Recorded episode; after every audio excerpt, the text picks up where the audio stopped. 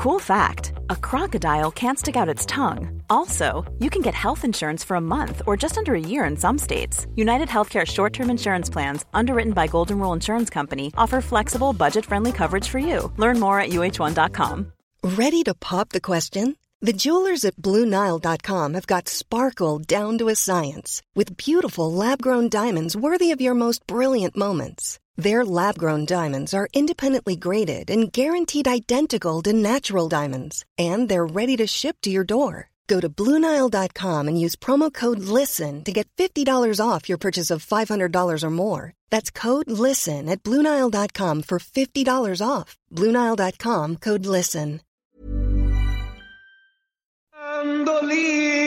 Salzerà, tutto il mondo esploderà. Ale, ale, ale,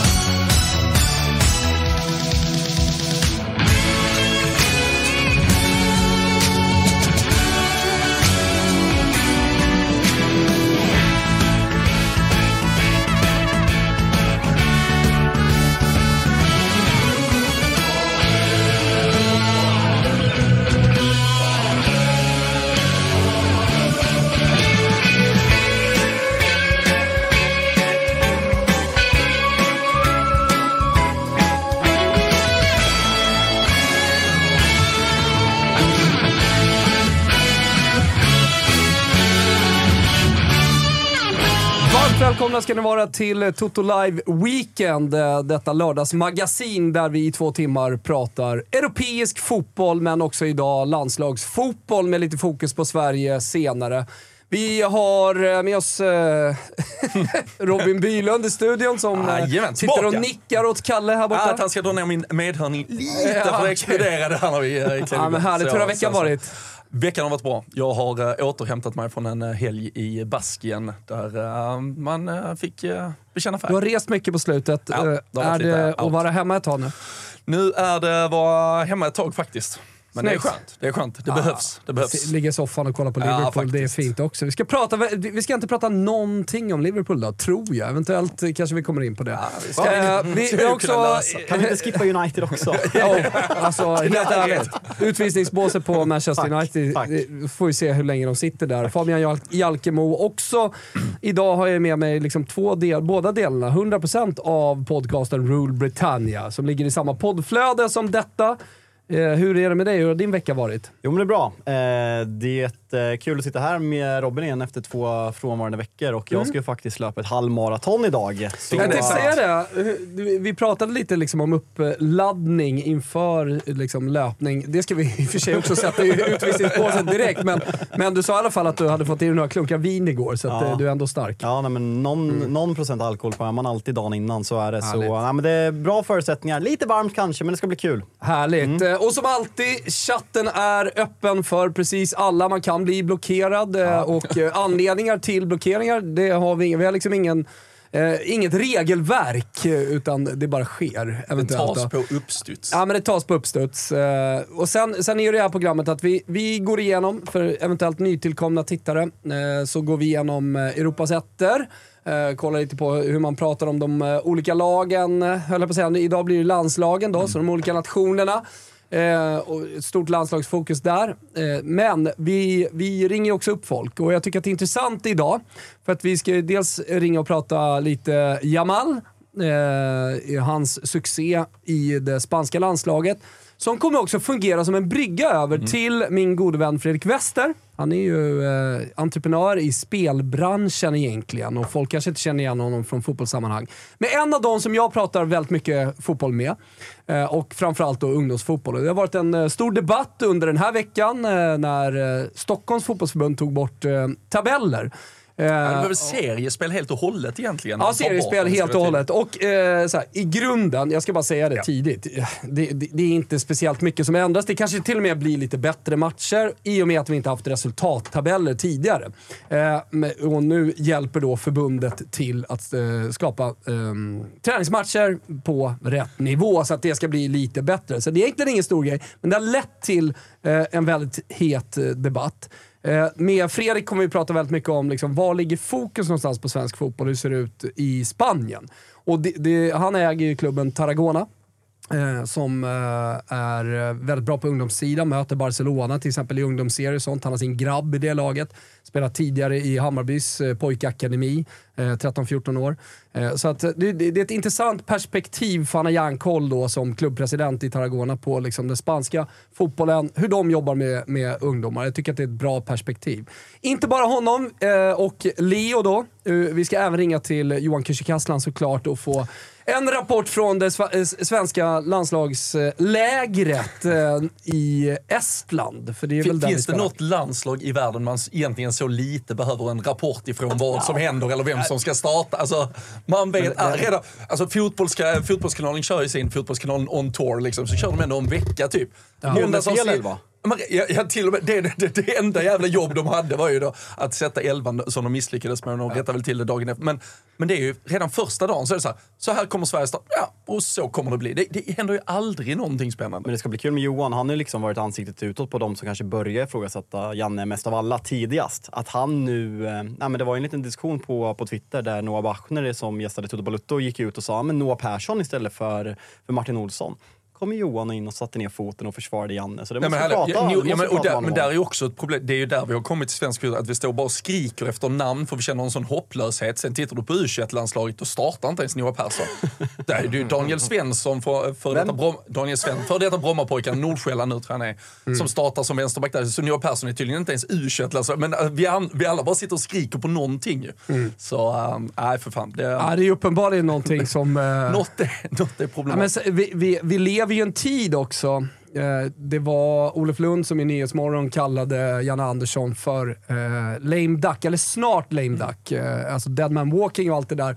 Om det är så att eh, det är kört efter Österrike-matchen så, så hamnar vi ju liksom i ett vakuum under eh, återstående del av eh, landslagsläget. Där alla frågor från journalisterna kommer handla om vem blir nästa förbundskapten? Vad gör du Janne? Hur känner du? Och det kommer det bli direkt efter Österrike-matchen. Hypotetisk tanke såklart nu. Det kanske är så att allting lever. Vi har vunnit mot Österrike.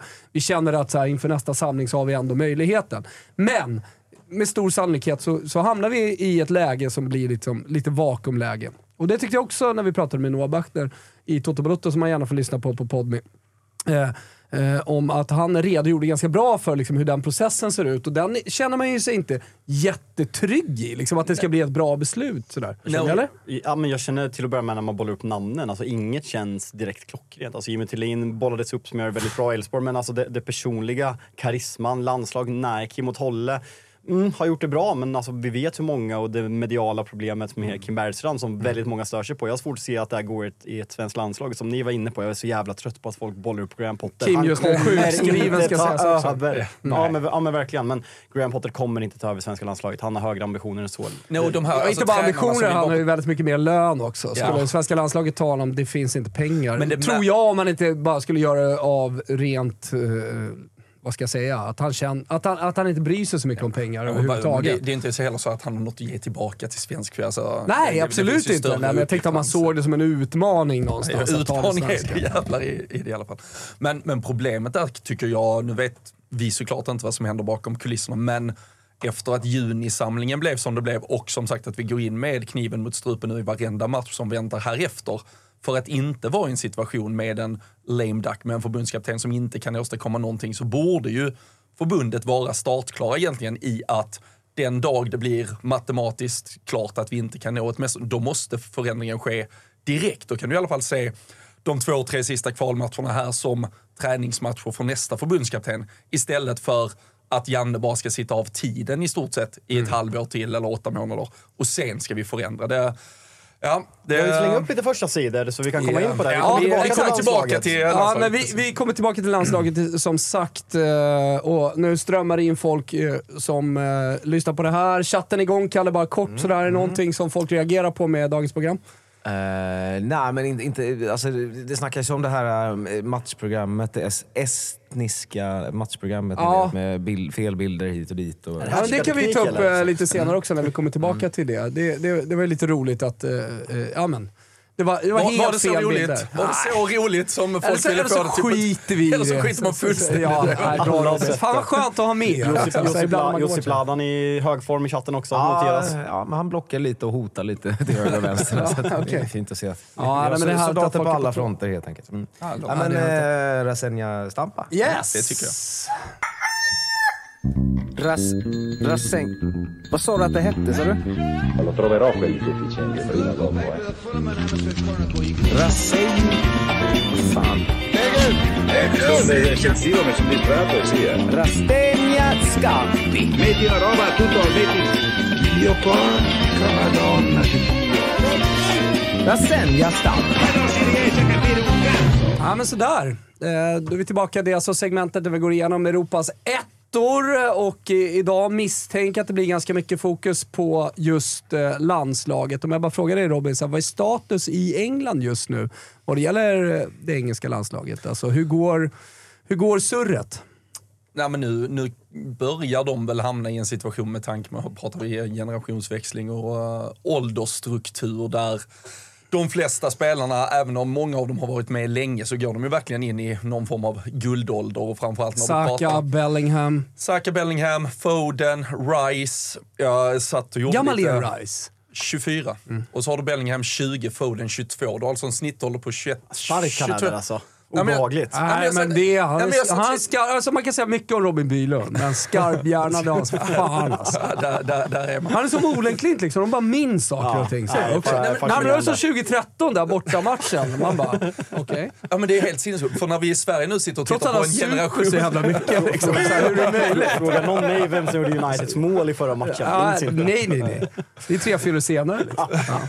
Nej, men när vi tittar på Sverige då, en eventuell generationsväxling och så pratar man kanske Sverige till nästa ny förbundskapten. Vi leker med ett tremanna mittfält Sverige. Hade det varit Kajust, Hugo Larsson, Mattias Svanberg? Kanske. Det är ett äldre mittfält än det England redan har som är världsklass. Som är Bellingham, Foden och ehm, Rice. Men mycket av diskussionen nu med Englands landslag har faktiskt varit kring Jordan Henderson efter hans eh, intervju, kom in på Liverpool ändå. Ja. Eh, nej, men hans, eh, nej, men hans intervju som han gjorde med David Ornstein och eh, vad fan heter han? Eh, Adam Crafton på The Athletic. Alltså, han, de har ju fått väldigt mycket frågor. Southgate, Maguire, Eh, även Harry Kane har fått gått ut och ta honom i försvar. Så det har varit väldigt mycket prat om Hendersons Saudi-flytt på presskonferensen och att det har lyfts i, i England också. Ja, och egentligen det märkliga är väl att de ens tar ut om det finns bättre alternativ i, i Premier League också. Än att, eh, men det är väl... Hur gammal är han? 90 eller? Ja, och han är, ju, han är ju Southgates gubbe så att säga, så han kommer väl behålla honom ett tag till. Men eh, det hade ju varit, det är ju en dum eh, kulle att dö på för Southgates skull. Det hade ju varit bättre att bara säga tack och hej till, South, till Henderson när han valde att sticka. Och här ser vi eh, The Mirrors eh, första sida och eh, det är ju sporten då såklart. Heads we win och pratar om mentaliteten i England. Att nu, nu, vi- nu, nu, nu är inställningen annorlunda, eller mentaliteten är annorlunda. Man åker till EM, inte för att delta eller gå långt, utan man åker dit för att vinna. Vilket är, för mig blir det ju en liten krock i hur jag har sett på England. Ni får ju rätta mig om jag har fel.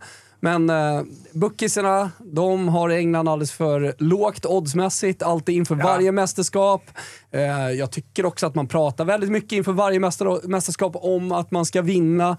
Det är klart att det kan finnas en annan gruppmentalitet och andra typer av spelare som kommer fram nu, större vinnare. Och det är kanske är det de syftar på. Men det är ändå lite sådär, they all now believe they will be Eurochamps. Men det känns, Alltså, väl, det, det känns väl ändå, alltså det här laget har väl på något sätt visat att man är bättre mentalt än de tidigare. Man har en semifinalplats eh, i Ryssland, man går till final mot Italien i hemma-EM, om vi nu får uttrycka det så. Man gör en väldigt bra insats. Harry Kane missar straff i kvartsfinalen mot Frankrike nu senast och sen så, som Robin sa, att folket är i sin prime-ålder. Bellingham är en annan spelare, Rice blir ännu bättre, Phil Foden, du nämnde inte ens Marcus Rashford, Harry Kane, Mm. som för övrigt såg ni i presskonferensen, han har inte börjat med sina tyska lektioner för att nej, men läraren har varit på semester. Det finns alltså bara en person i hela Tyskland som kan lära ut tyska till en engelsman, men Nej, som kan lära Harry Kane prata Ah, tyska. ah, Du ah, förstår, du förstår vad som krävs där. Köper, det är doktorshatten. Det är doktorshatten. Och eh, vi ser även eh, Star. Daily Star. jävla pisstidning. Ja, men det är, ändå, det är ändå en första sida som väldigt många engelsmän läser. Ja. Det får vi, Tyvärr är liksom, det vi måste ta in det och det är det som Känn- påverkar opinionen också, vad som står. Hur som helst, Southgates final demand, up, up and away. Ja. Nej, men de ska, det ska bara göras jobbet. Det är ju Ja. det det handlar om. Och Ja. så, så är det ju blicken mot uh, Tyskland. Det är som... Silence intense Ukraine fans and we are on way to Germany. Sm- Smällde väl lite i, eh, i natt också. Såg, vaknade upp till någon eh, pose, ukrainska medborgare poserande med en engelsk flagga upp och ner. Så uh, något har hänt i alla fall. Lite kul. Oj jävlar. Det piggar upp va? Det tycker jag liksom i, i så pro-Ukraina-tider. Har de ändå fått lite tuppkam. Ja, för att, Fan, ska man börja vi är alla, kika på? vi är alla liksom pro-Ukraina i kriget och tycker liksom synd om medborgarna. Men det finns ju, alltså Ukraina är ett jävla skitland. Alltså, alltså pre-war så är det ett jävla pissland Ja, om vi ska vara helt ärliga. Så att jag menar så här, någonstans får ju vår kärlek till Ukraina också... Man, man kan ha två tankar i huvudet samtidigt. Det ska, alltså ska, de, alltså ska vi på något sätt egentligen visa hur mycket vi stödjer dem och hur mycket vi tar in dem i värmen så ska, Ska vi, vi också bantra med dem på en fotbollsläktare och liksom ha fighten där. Ja. Absolut. Nej, men- det, alltså det som ändå talar lite, fortfarande med England, alltså stummen är ju fortfarande byggd på spelare som egentligen inte har vunnit så mycket om vi ska vara krassa. Alltså Saka, Rashford, Kane fram. Ja, det är inte- förlorare. Det är inte, det är, det är inte titelvinnare. Ja, det är Rice förlorare. har inte vunnit ett skit. Bellingham, Conference. inte än, men han kommer, jag tror att nyckeln nu är ju att Bellingham låser upp det och han kommer ju vara världens bästa fotbollsspelare kommande kanske tio år och det har han ju visat. Med eh, all jävla tydlighet i Madrid här. Så att han nu, eh, han blir den som kommer bära England. Och England har gått bra i EM-kvalet så här långt. De, eh, Det gör de ju alltid. Ja. Nu har de ju fått en lite tuffare grupp än vad normalt Ja. sett får, men annars är ju alltså England och kval. Det är det som är lite frustrerande, för det finns ju likheter mellan Southgate och Janne. De har sina gubbar. Han har Henderson, han har Harry Maguire, han har Jordan Pickford. Han, Han liksom- har ju också en del unga gubbar som man verkligen tror på. Alltså, Ja, det var men han så- som skickade ja. fram Saka och, och slår den där straffen. Ja, så att, nej, men alltså, det hade inte Janne gjort. Så Nej, men där är han ju stark, men just det att han har sina gubbar som han vägrar flytta på. Ja, men Harry Maguire är ett Mm. toppexempel och Jordan Pickford som är riktigt usel. Spelar. Maguire här nu? Ja, alltså, mycket talar väl för det. Han gör ju det hela tiden, så det, det är inget som förändrades förra året. Så, Men alltså, Och spel, Pickford, alltså, går man inte över till John Stones och Levi Colwill egentligen så är det, det, det är Ja, helt alltså, det finns ju, när man redan är klara, för man redan slagit Italien och är på full poäng om jag inte är Mm. helt fel ute. Alltså, det finns ju möjlighet att spela in Colwell nu i, ett eller i, ett, eh, i eh, vad är det, tio månader till, eh, till, till EM. Så Mm. jag hoppas verkligen det. Och eh, på tal då om Italien så har det ju verkligen eh, varit en ganska turbulent, eller turbulent, eh, alla älskar ju det som har hänt i Italien. Eh, Mancini har gjort ett jättejobb med landslaget, så han har ju missat mästerskap. Man har också vunnit EM-guld med Italien och det i slutändan, det, mm, det räddar ju upp väldigt mycket. Räddar upp väldigt mycket, det är ju fantastiskt. räddar allt. Ja, nej men, och, och om man ska vara lite nyanserad i diskussionen kring Mancini och vad han har gjort. Absolut missat mästerskap, men alltså, det var Jorginhos straffmiss mot Schweiz eh, som någonstans. Och sen var det ju ett dåligt kval, det ska ju sägas. Han har gjort dåliga saker också. Men med ganska skralt material tycker jag att ändå... Han, han har ju förändrat ett, eh, alltså hur italiens, ett italienskt landslag spelar fotboll. För att italienska landslag, även delvis under Prandelli, som försökte med någon slags 4-2-3-1, men hamnar ju och vinner ju väldigt mycket på sin defensiv och har gjort det länge. Men det är väl som framåtlutat 4-3-3. Många unga spelare togs ju in av Mancini. Han tog ju ut så här trupper på 40 man. Och sen så bantade han ner det liksom till 25 till slut, där folk fick åka hem inför ja, Euro till exempel senast då, som han vann. Men alltså, han som har kommit nu, Luciano Spalletti, han, eh, han är ju, ja, men, kommer ju dels då från en scudetto med Napoli. Eh, extremt omtyckt som individ, som människa och hans sätt att hålla presskonferenser. Vi pratade om Kim och Tolle, ka, eh, karisma på ett presspodie.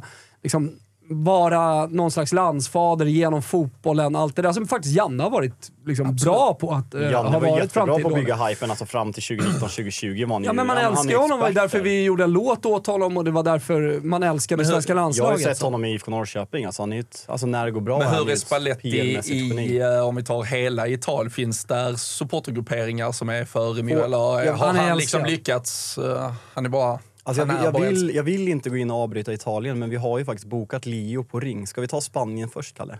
Eh, ja, det kan vi Gör. göra. Nu tog vi upp Italien för att du gjorde en så fin brygga till dem via England. Och jag Men, förstör den. men eh, vi, kan, vi kan ju säga det att eh, det, det blir en del spansk fotboll idag. Det är inte alltid det blir det. Eh, Dels då med Leo såklart, och det är skönt att ha fått in Leo, så vi kan ha det spanska perspektivet också. Men eh, nu också Eh, aktualiserat av Jamals eh, succédebut, visserligen mot svalt eh, motstånd, men en 07 som går in i Ja, landslaget. är Med tanke på liksom vad Sverige står lite grann sådär 16 bast. också. 16 bast, eh, gör mål direkt eh, i den här debuten och känns helt självklar. Eh, Måste det- fråga Leo om rapport från eh, Ja, Bras- brasilianska festivalen i Kungsan förra helgen också, så att vi liksom bygger vidare på vad Ja, vi, det ska vi definitivt om. göra. Nej, men vi, kan, vi ringer upp eh, Leandro Ferreira. Leandro Bengt Ferreira Tack. Sjöström. Yes. Det är ett otroligt namn, Kalle. Du måste lägga till näst, Bengt i namnet. nästan lika bra fast tvärtom som vår Rule Britannia-gäst i veckan, Rickard Luigi Henriksson. Ja, exakt. Kalle har ju lärt oss att vi måste Gigi. prata under tiden när det ringer, så jag försöker bättra de här, Kalle. Ja, ni får det. Ja, nej, men får jag göra. Varmt välkommen då till, Tjena, eh, tjena, till eh, Total Live Weekend, eh, vår nya, vårt nya stjärnskott eh, här. Inte med i studion, men eh, definitivt med på länk. Eh, Såg du Spanien igår? Eh, faktiskt inte. Jag hade lite koll på den, men eh, inte 100 procent. Man är ju småbarnsförälder nu, så att man får prioritera om lite. Men Ja. eh, Le- Leo, en sak, målen, en jag såg sak- Lamin. Leo, en sak du ska lära dig när du gästar så här, även om du inte har sett matchen. Säg att du har sett matchen. Ja, Ah, okay, okay. Jag såg matchen. ja det, är så, det är så man gör nämligen i den här branschen. Eh, man har alltid koll, oavsett vad. Tror du att Thomas har sett 78 matcher? Exakt. ja, men så vi tar det. Nej, men, Jag eh, såg matchen. Ja, ja, Bra, ja, Leo. härligt. Eh, nej, men, eh, jag, jag tycker det spelar inte så här stor roll, för att vi kan ta de breda penseldragen här. Alltså en 07 16-åring som går in, gör debut för det spanska landslaget. Eh, det, det är ju otroligt. För mig är det i alla fall helt, helt otroligt. Eh, jag vet att man kan bolla upp lite exempel på spelare som inte har liksom made it. Men jag tycker att det är någonting speciellt med den här killen. Självförtroendemässigt, det han gör med, med liksom beslutsfattande tycker jag är väldigt imponerande. Så att, eh, 16 år och 57 dagar tror jag han var när han smällde in sin första boll igår för spanska landslaget. Det är ganska makalöst. Vad gjorde vi själva när man var 16 bast? Liksom? Nej, men, ska, ska vi inte prata om. Allt. nej, men du var ju på brasiliansk festival i Kungsträdgården. Jag var ju definitivt på vattenfestival i Kungsträdgården på den tiden och eh, stökade runt. Ja, precis. Det kan jag tänka mig, Thomas. Eh, annars, eh, det spanska landslaget, eh, det har varit turbulent med Rubiales. eh, Det har varit turbulent kring det spanska damlandslaget som är färska VM-vinnare. Men är det någonting som har påverkat det spanska herrlandslaget? Har det gjorts några uttalanden? Är det, är det någonting som, ja, men, som lever vidare så att säga nu när det är EM-kval? Att det ställs frågor och så vidare? Alltså min känsla är att de försöker ju trycka på, på spelarna att eh, ja, försöker få ur sig lite citat. Men det känns som att det är de som är lite på, på väg ut från landslaget. Jag såg att Dani Carvajal var ute och svingade lite grann. Eh, Sergio Ramos valde det också. Så att jag tycker inte att de får ut någonting från de spelarna som är i truppen nu. Där är det ganska liksom sarg ut hela tiden. Eh, men känslan är att det finns vissa läger ändå bland de rutinerade herrarna som ändå är eh, ja, lite delat. Men, men eh, ja, det är svårt också att, eh, att tycka annat än att Rubiales är eh, eh, ja, snett på det. Men, men inte så mycket som påverkar herrlandslaget skulle jag, enligt min åsikt, tycka. i alla fall. Det var väl ändå inför den här samlingen, så som jag tolkade det i alla fall, så gjorde väl herrlandslaget något eh, gemensamt uttalande, att de i alla fall inte står bakom eh, Rubiales, att de ändå liksom med tydlighet markerar att de tycker det är fel. Sen vill de kanske inte gå in på detaljer och eh, fördjupa sig i det, men, men det känns ju såklart självklart att det är ganska lätt att ändå ena gruppen mot Rubiales, så att säga. Sen vill man väl inte landa i, i för mycket pajkastning under matchförberedelser egentligen. Nej, precis. Och min känsla är väldigt mycket sarg ut. Eh, som du säger, att man liksom... Man är mer mot såklart för att det är det man... Eh, alltså det är det som är rätt att göra och då, då blir det lite sarg ut. Och, men jag tycker inte att det har varit... Inga kontroversiella uttalanden sådär som jag har märkt i alla fall. Nej. Jorge Vilda i alla fall har ju avgått, eller de har Ja. sparkat ut. Det, det, Skiten.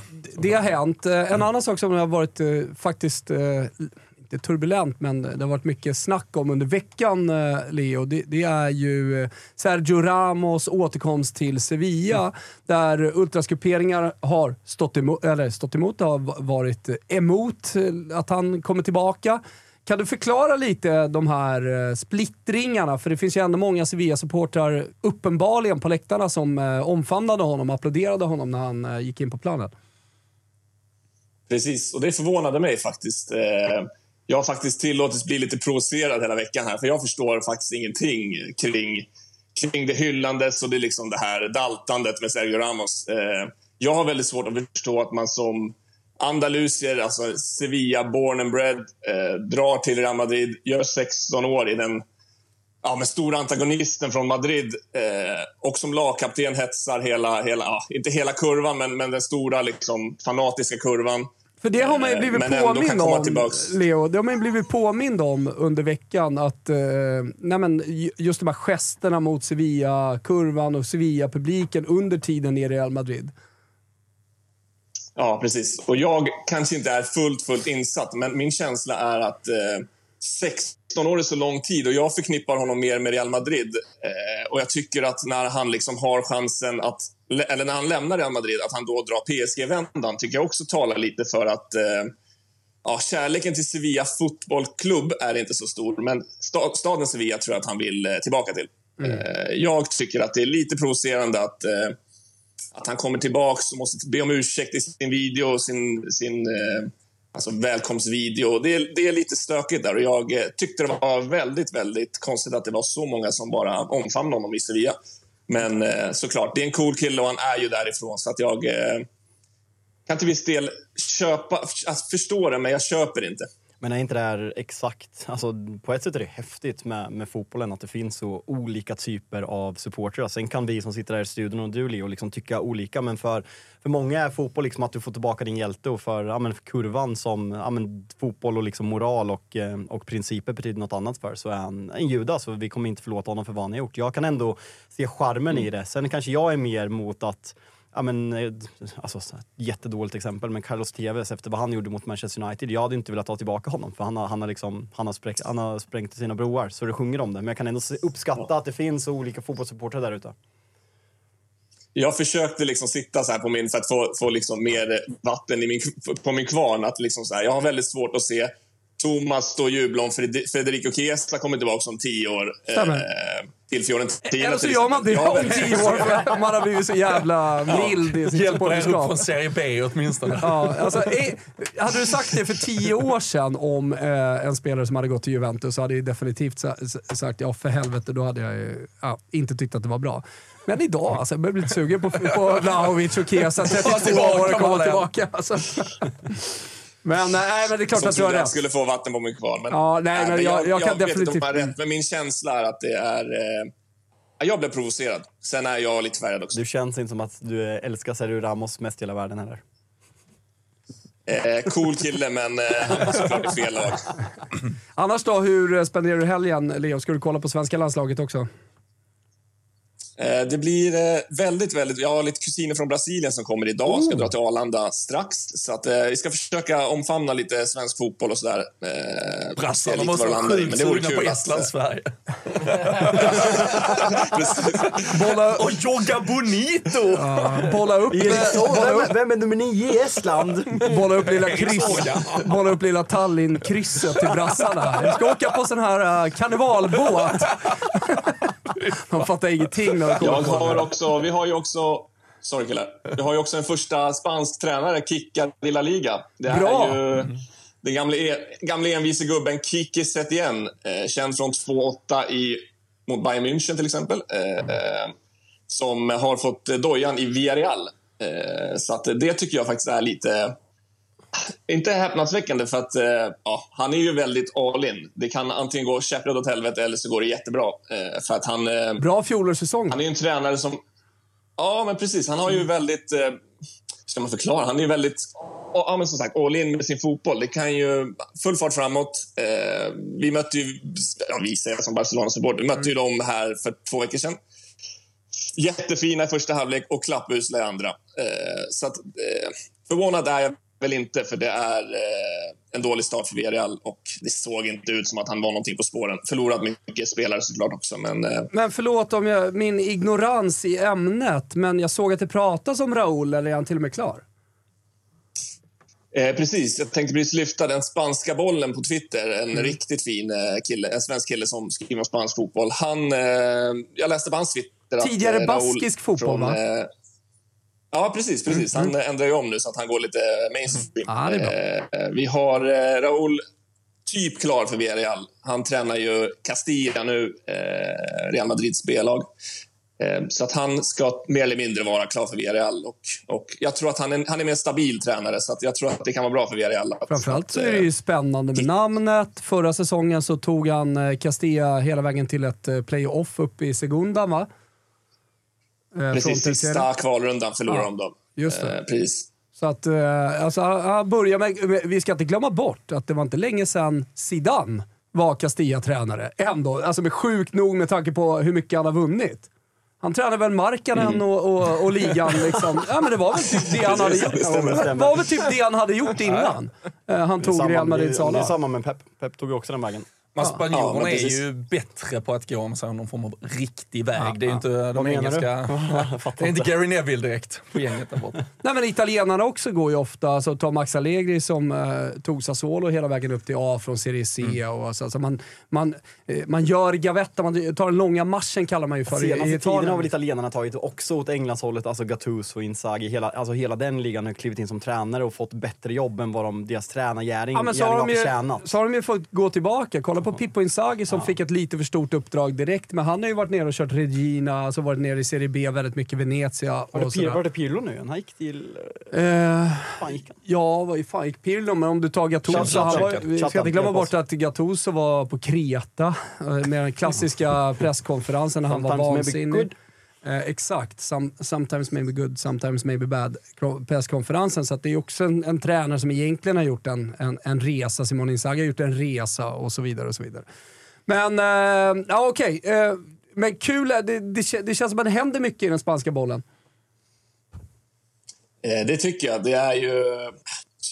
För ligafotbollen har ju startat lite så här att, eh, att Real Madrid har gått rent, Barcelona ligger två poäng efter. Eh, sen vart det ju uppskjutet här förra helgen på grund av storm i, i Madrid mot eh, Atletico Madrid mot Sevilla, så de har ju en hängmatch. Eh, lite väntad start så i ligan, eh, men i, i spansk federationsfotboll så händer det väldigt mycket. Ja, underbart. Vi har tajt schema idag Leo. Stort tack för eh, rapporten och bra surr så hörs vi igen nästa vecka, kanske till och med i studion. Hälsa brassarna på flygplatsen. Muchas gracias. Ciao. Tackar, tackar. Obrigado. Ha det bra killar. Adios. Ha det bra. Obrigado, ciao. Obrigado. Eh, Jag har så mycket brassar i mitt liv. Det är en eh, ny tjej som har börjat i Stellas fotbollslag, pappa Brasse. Eh, Så son som spelar i, i Kalmar FFs ungdomsakademi och så spelar hon där. Och igår hade de brasilianskt besök då, så att då var det full fart på läktarna och sådär. Och så Leo då med, med hans brasilianska bakgrund. Ta över Eh. Vi måste- Brasiliansk eh, karneval förra helgen. Det fanns, fanns, fanns, fanns varken bärs eller caipirinha. Det var Glöm- värsta skiten. Glömde fråga dock, eh, Leo, för att eh, Gusten skrev en tweet igår som gjorde att jag liksom hajade till lite. Att det sydamerikanska VM-kvalet har dragit igång oändligt långt. Leo, Leo satt ju uppe och eh, kollade på Messi som han vaknade upp i på fred- fredagsmorgon med eh, "Åh, Frisparksmål. 31 frisparksmål senaste två åren. Eller något i den stilen. Nej, jag orkar inte. Men eh, Leo, eh, om du lyssnar. Leo. Alltså, du, kan, in- alltså, du har varit Spanienkorre i två veckor, du behöver inte avsluta med muchos gracias. Alltså jag, vet du vad? Jag tycker det. Jag tycker att det är mycket, du ska, från och med nu är det alltid muchos Obrigado, han gracias. talar till båda. Ja, nej, jag tycker att det går så. V- Så VP3 är fortsätt snabb i chatten i alla fall. Han bara, men det är kul att det händer mycket, men vi får inte glömma att Spanien fortfarande är ett jävla skit. Nej, nej, alltså, Man såg ju störtdykningen på tittarsiffrorna också. Vi men vi, passar, vi, passar, vi passar ju på när, när det är uppehåll.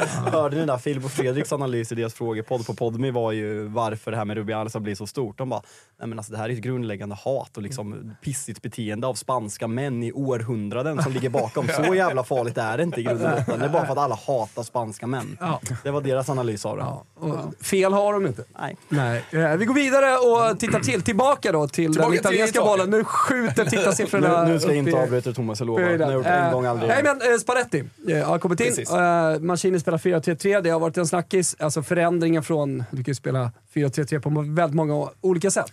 Så förändringen... Uh, Man kan spela det i försvar och anfall som Jan Andersson gärna vill trycka på. Ja, exakt. Och det gör ju alla, eh, såklart. Alltså, du, du, du hamnar i olika, olika positioner. Men eh, tittar vi vidare in i tidningen så, där, så tycker jag att det blir mer eh, intressant. Förutom att eh, eh, Italien... Eh, eh, Kalle inte med. Alltså, jag får slå till honom hela tiden. Så tittar vi Du, du, vidare in du i sa till mig tio minuter innan programmet, jag skickar ett schema på när du vill ha bilder. Jo, jag har ingen om aning om vilken bild du vill Om ha. jag säger, tittar vi vidare in i tidningen och du sitter helt du och avslappnad inte med på det. Ja, eh, precis. Och här har vi då eh, de, de tre nyckelspelarna i, eh, i det italienska landslaget. Och då har det väl börjat dock med att Chiesa är out den här samlingen va? Eh, exakt. Eh, men han var nog inte nyckelspelare då för Spalletti. Och här har, det här tycker jag är intressant. Alltså, Scudetto-vinna, det är alltid Juventus. Det har alltid varit liksom präglat av Juventus, Milan, Inter. Alltså de randiga eh, lagen i nord. Deras spelare är nyckelspelarna. Alltid. Och vad har vi nu då? Jo, vi har två stycken Napoli-spelare. Politano och eh, den eh, fine högerbacken Di Lorenzo. Men det är, alltså de, det är alltså två nyckelspelare för italiensk fotbolls framtid. Jajamän. Det är så mycket apelsin-tv jag någonsin har sett, att de illustrerar det med tre stycken nycklar med namnbrickor. Men hur, hur, hur fint är det inte då? Va? Med de tre nycklarna. Alltså jag, jag, blir, Hela knippan jag, bara. jag tycker att det är otroligt. alltså. Jag, tror, jag tycker att det Kan är vad otroligt. står det under? Kan du översätta åt oss? Eller? Står det att de är nyckelspelare?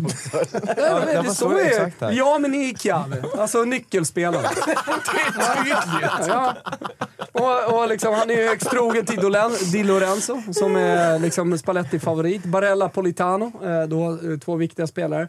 Eh, Men eh, vi, vi har också startelvan eh, tagen här. Eh, som Bra, Kalle. vi kan Nu är se det Där, rapport. där raljerade jag ju lite kring, och det här är ju mest intressant, inte att höra min åsikt utan snarare att höra eran åsikt. Vad, vad ni tänker kring den här startelvan.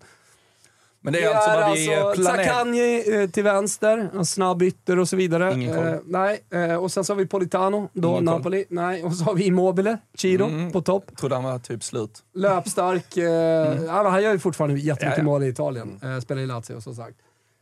Sen är det Tonali Barella. Mm. Det är ju två bra. Det är bra. Barella är ju Det är bra. riktigt bra. Ja. Eh, och sen så har man ju då snackat lite kring eh, den här eh, centrala positionen på mittfältet. Och där är det ju då Brian Cristante, Roma, som hamnar. Och det är ju inget namn. Det är, väl ju inte inte- Jude Bellingham. Nej, nej, nej det, det, det är det ju absolut inte. Nej. Men, det är väl, men vad är snack... Jag tänker mer då, alltså, jag, vi kan ju sitta och raljera kring Mm. startelvan, att vi inte tycker den är lika namnstark som ett engelskt landslag till exempel. Men hur är attityden i Italien? Är det ändå fortfarande... Entusiasm. Ja, men är det också att tar vi oss till ett EM, då kör vi. Då går Ja. vi för guld. Då är det, Det liksom gör de ju alltid. Det är, Ja. det, som är, det, är det som är med Italien. De hade, det inte speciellt, man i alla la- fall. de hade inte speciellt namnstark. Alltså Barella var inte liksom en spelare man tänkte som en av världens bästa mittfältare när han var så pass bra som han var i senaste EM. Så att det, det, det, Men det någonstans väl har det det. väl varit stummen kanske där bak men ändå gjort att så här, vi kan ändå tro på någonting för vi kan alltid hålla nollan. Nu vet jag inte vil- vilka är mittbackarna som är Nej, planerade men att det, starta det, nu? är ju, det är ju tyvärr, där har vi ett problem, tror jag, liksom här och nu med Mancini i Roma. Eh, som är liksom, det är en bra mittback, men hur bra? Rogani, alltså ni- Juventus. Mm. Och Bastoni går in Bastoni. centralt i en fyrback då istället. Eller? Eh, sorry, sorry, vad säger Ja? Rugani? Ba- Bastoni, eh, Interspelare. Han är ju megatalang och Jo, jo, men jättebra. han är ju mer van vid att liksom. spela till vänster i en treback också. Absolut, men, Men- men- ska men- ju såklart kunna spela i, i en fyrback. Jag har gjort det under Mancini också. Och sen har vi Acerbi som har spelat där ganska mycket också. Kanske borde ha gått före på något sätt eh, eh, här, men, men eh, ja, Mancini känns som ett lite Ja, osäkert kort. Det är Indisponibli. Ja, det är de som inte är, är, Men- är, Ja, liksom kan spela. Där var jag Serbi. Men alltså för en annan Och tyvärr då Pellegrini och Chiesa, två jävligt bra spelare. Liksom, om man ska prata Roma-spelare, Mancini spelar Roma, att han inte kan spela i ett avbräck. Men framförallt mittbackarna, för en annan som har följt italiensk fotboll utifrån, som är uppvuxen med liksom Nesto Maldini och sen Baresi innan Ja, det. är och sen så kom eh, Chiellini, sen kom... ehm, ehm, ja, nu kommer jag inte på namnet. Men alltså det är, det är verkligen Balzagli mittbackar. och- ja, exakt. Men, men, Det var ju en jag, jag, jag, jag var tvungen att gå in och kolla på den här Politano, nyckelspelaren i italienska landslaget. Han gör alltså 3 plus 3 som eh, ytterforward i ett eh, titelvinnande överlägset Napoli. Det, Ja. ja, men väldigt mycket hände ju på Kvaratskheლიas kant. Mm. Är det ska ju sägas. Är Liksom.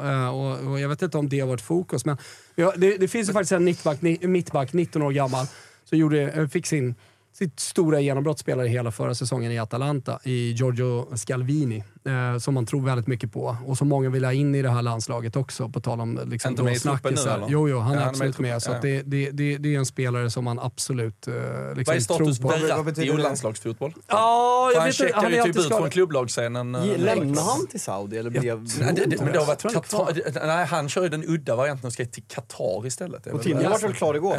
Men, Thomas, vi, vi ska komma in och surra lite ungdomsfotboll, alltså både i Sverige men även i Spanien. Hur går snacket i Italien? För om man kollar på det här, jag som inte följer Serie A som du gör, när man ser namnen, alltså det är ett historiskt, i min livstid, dåligt italienskt Nej, jag, landslag. tycker, jag tycker landslaget eh, som Prandelli hade, alltså på pappret med eh, då, så här, Udinese, Di Natale från Udinese, ja men det är väl bra. Sen en åldrad Casano som skulle med till VM. Eh, vi hade liksom eh, Montolivo som jag älskar, men för att han är Fiorentina, som skulle vara liksom kreatör på mittfältet. Alltså det, det, det landslaget var inte bra. Det var post eh, 26 fortfarande. Men om vi tar de senaste tio åren då, så Eh. ser man ju en, alltså en väldigt tydlig Ja, och det, nedåtgående det, kurvan. det är ju de här äldre spelarna som har lämnat som inte, där det inte har kommit upp spelare. Du, du nämner eh, mittbackarna med eh, Barzagli, Chiellini, Bonucci. Mm. Alltså, vi, vi pratar om mittbackar som gick till Champions League-finaler och... Ja, och inte- i 15 år liksom. Ja, dominerar i Ja, 15 men det är samma år. Det är de man har tappat. Man hade, Pirlo, Gattuso, alltså de är ju uppvuxen med. Alltså, Ja. Verkligen. Eh, Pirlo, eh, exakt, spelade ju länge. i Karriären liksom fortsatte. Eh, men även om Gattuso Rossi. var lite tidigare eh, och sådär. De Rossi sista han gjorde var ju, var ju att eh, torska mot Sverige på San Siro Just det. i, i landslaget. Det var det sista från honom. Satt ju på bänken och ville inte komma in, om du minns det. Han tyckte väl att de skulle slänga på Insigne istället. Exakt, exakt. Eh, När man måste styra upp tränaren. Alltså, jag är inte bra nog för att gå in i den här matchen. Han här ska in. Så här, så en spelare med lite star quality, som du nämnde precis, Lorenzo Insigne, gick ju tidigt, eller tidigt, men liksom... Men det blev ju aldrig något Typ ganska ung till Toronto och, och liksom lämnade den italienska, lämnade ju scenen Hur totalt mår sett, han egentligen efter förra årets scudetto? Kan Ja, det bra, kan man ju fråga sig. Men en, förutom det då, jag pratar om Scalvini, men eh, alltså, jag, jag ställer mig lite frågande till också vad fan som händer på nummer 9-positionen i Italien. Mm. Alltså, när ska man få fram en bomber igen? På 90-talet hade man ju hur många som helst. Alltså det, från Mancini till Vialli och så vidare och så vidare. Sen kom Luca Toni och de spelarna. Det har alltid funnits bra bombers i Italien. Nu, nu står man där med Immobile och sen så vi Italien-runkare, vi, vi vurmar liksom för Scamacca eller vad det nu kan vara för spelare. Men de, de, de tar sig inte hela vägen till, till världstoppen. Nej, och kollar man, på, kollar man på topplagen i, i Italien nu så är det inte italienska bombers där uppe. Det är Osimhen, det är Vlahovic, det är eh, Giroud. Lukaku. Lukaku, det är de man Lautaro. pratar om. Dyba, Nu är inte Dybala en klassisk nia, men, Nej, men, men det, det, det är så här, vad händer? Nej, det är ju bara Immobile i topp 6-7-lagen väl som är italienare Ja, i stort sett. eh, ja precis. Du är Belotti. dessutom, ja, det, precis. Men Ska han få fart på grejerna? nu har ju Lukaku kommit in, så han, men med, med Tammy Abraham skadad då. Alltså, och ytterligare en utlänning som inte spelar. Kolla på Fiorentina, de har tagit in en Sola och Beltran. Argentinare, nigerian. Eller förlåt, Angola. Tror han var Angola. Ibland har Där fel. tror jag du har bäst men, men, nej, men eh, det, det, det, det går ju liksom att, att bara fortsätta. Vem gjorde det för Udinese förra året? Ja, det var Beto. Nu har man visserligen tagit in då en italienare som har satsat på, men han tror man inte på. Lorenzo Lucca som har kommit in och inte gjort ett skit liksom, i karriären hittills. Det där, är lite, men det där är lite underligt, alltså, när ligan ekonomiskt har gått ner sig, alltså de senaste 20 åren, så borde det finnas möjlighet att Och det alltså, har ju varit en diskussion. Nej, men det har ju spelare. varit en diskussion. Varför spelar inte obs- italienarna? obskyra jävla låneavtalen med pissklubbar Nej, för, istället. det, för det där är ju England svårt med för att de värvar in kvalitet så att engelsmännen liksom i de stora klubbarna, alltså vi vet ju Men då är det ju verkligen världsstjärnor på Ja, varenda jo, position men exakt. framför i leden. Och det är bara att kolla på Sverige, alltså när spelarna får spela tidigare så blir de ju bättre, alltså Mm. du kan sälja vidare. Sen är det en jävligt tråkig taktik som svenska lag kör med och liksom blir en kamp i supporterleden. Vi sålde för så mycket! Mm. Vi sålde för så mycket! Ja men vi vann ligan, men fan, vem fan bryr sig hur mycket ni säljer? Det är ingen, det är ingen titel. Men, så det borde finnas utrymme att börja spela italienare tidigare för att få ett slagkraftigare landslag och i slutändan även liga. Noterar i alla fall att Mancini förlorade första matchen som saudisk förbundskapten med 3-1 mot Costa Rica på St. James' Park igår kväll. Det, det glädjer mig i hjärtat. Det, den matchen är ju speciell alltså. Ja, jag, jag, jag läste Att reportage den här. spelas också på St. Ja, men det, James. det var i stort sett också alltså bara araber, alltså det var mus, muslimer som uh, verkligen vallfärdade dit och för att uh, heja på sitt läste du något om landslag. protester eller? För jag läste att det skulle bli. Lite protester inför, men eh, det var liksom Inte verkligen folk i vi- vita dräkter. Men, som, men får, får, får jag liksom bara stanna upp där kort? Alltså, till skillnad från Qatar, det, det, det kan vara viktigt att säga. Och återigen då, liksom, ha, ha ett annat spår på Saudis fotboll. Det är ju att det finns en otroligt stark fotbollskultur i det landet. Mm. Till skillnad från Qatar menar jag. Ja, alltså tittar du sen är det ju inte däremot kanske förknippat med just exakt de lagen som nu ser ut att ta, men alltså i ligan finns det ju lag som faktiskt drar 25 000 engagerade Det är bara kolla supportrar. landslaget har en historia också. Alltså Ja, bara, bara som Sverige, alltså vi minns ju åttonde, de går till åttondelsfinal i USA VM Vi smakar 94. på svenskt då. Al Ghashayyan Bam! Al Ghashayyan gör 2-1 målet för Saudiarabien. Så ni vet det. Ja. Precis. Nej, kommer så- Kenneth och bara placerar in den. Gör han två, mål, två, två mål Men var ska ni inte, Dalinett. jag tänkte, ska ni inte studsa lite, lite snabbt på Makedoniens eh, startelva också? Stolle, i mål eller? Nej, men det, det, det fina är ju Nestrovski, nian på topp. Har Pandev lagt av? Eh, ja. Finaste, Fan. Eller har han lagt av? Ja, det oklart. Vad har de för något? Finaste är när Mitov snackar om deras målvaktstränare. Det- det Trajkovski och Mio- Miovski på varsin kant. men helt ärligt, Trajkovski och eh, Nestrovski, det är bra spelare. Det ska jag säga. Så att det, det är liksom ingenting som vi, vi, vi bara ska avfärda. Men är det Stolle, i mål eller? Nej, det är ja, Dimitrievski. Ja men det är Stolle. Ja, det är Stolle. Okej. Ja. Vad var det på honom då? Mm, han står väl i något ganska bra lag va? Okej. Eh, det var han Men jag som, tänkte eh, eftersom du kände honom Nej, till men- nickname, ja, så att säga. Jag bara väntade på att det skulle komma någon jävla historia. Grym story tror Nej, men jag. det, var, det var han som petade Mitov när Mitov var uttagen i landslaget. Så Ja, men därför, säg det då. därför vet jag vem han är. Ska Ja. jag kolla? Han står i Rayo Vallecano. Ja, exakt. Kul på Eh, honom. så, så att, eh, nej. Nordmakedonien som som sagt slog Sverige igår, U21. De Ja. borde ju ha lite tillväxt. Ja, fylla på och med. vi liksom börjar närma oss där. Kanske ska eh, ringa och komma över på lite, lite landslagsfokus. Eh, är vi klara med ettorna, Kalle? Ja, vi har väl gått igenom dem. skickar du bara in tre prints? Ja. Måste höja det. Nej, Ja. vi hade väl en sista från Gazettan också. Ja, vad hade vi på den då? Eh, jag tror att det var... Betyg. Nej, det var inte den. Nej. Den här var det. Det, var, det, det, är också, det är typ samma igen tror jag. Fast det stod något mer där nere. Nej, men jag zoomade in den förra. Så att det var... ja. Den där var ju liksom inte tanken att vi skulle ha. Men Nej, där har du okej. Tonali på Ja, bild, ja, som det såklart är en viktig, viktig spelare i Italien. Och, och lite tabellen där också. Är han, liksom Det är läge att vinna, så. är han liksom största stjärnan i landslaget nu eller hur? Nej. Eller känner man hat för att han lämnar Serie A? Det har gått åt helvete för Newcastle sedan han kom dit i alla fall. Det, där, har du, där, där sätter du lite huvudet på spiken på en grej också. Det finns ingen stor stjärna i Italien. Nej. Det är liksom ett lag. Alltså det är inte Politano, det är inte Immobile heller. Och han är inte Immobile med hela Ja, Italien. men Bark, alltså det är väl Barella och Chiesa kanske du kan argumentera är bäst, men de har ju inte alltså den här stjärnaura. Alltså de, de ser ju inte ut att gå ut och svina och bete sig liksom som eh, man vill att en italiensk eh, stjärna Men det Nej, men göra. Barella, Alltså, Barella hade ju, när de träffade den italienska regeringen och, och uh, när de hade vunnit EM-guld, då, då satt han ju ensam med solglasögon efter en festnatt. Och då, då fick han Men väl de lite ser såhär så jävla bad boy. vanliga ut bara. Låg ribba för bad boy. Ja.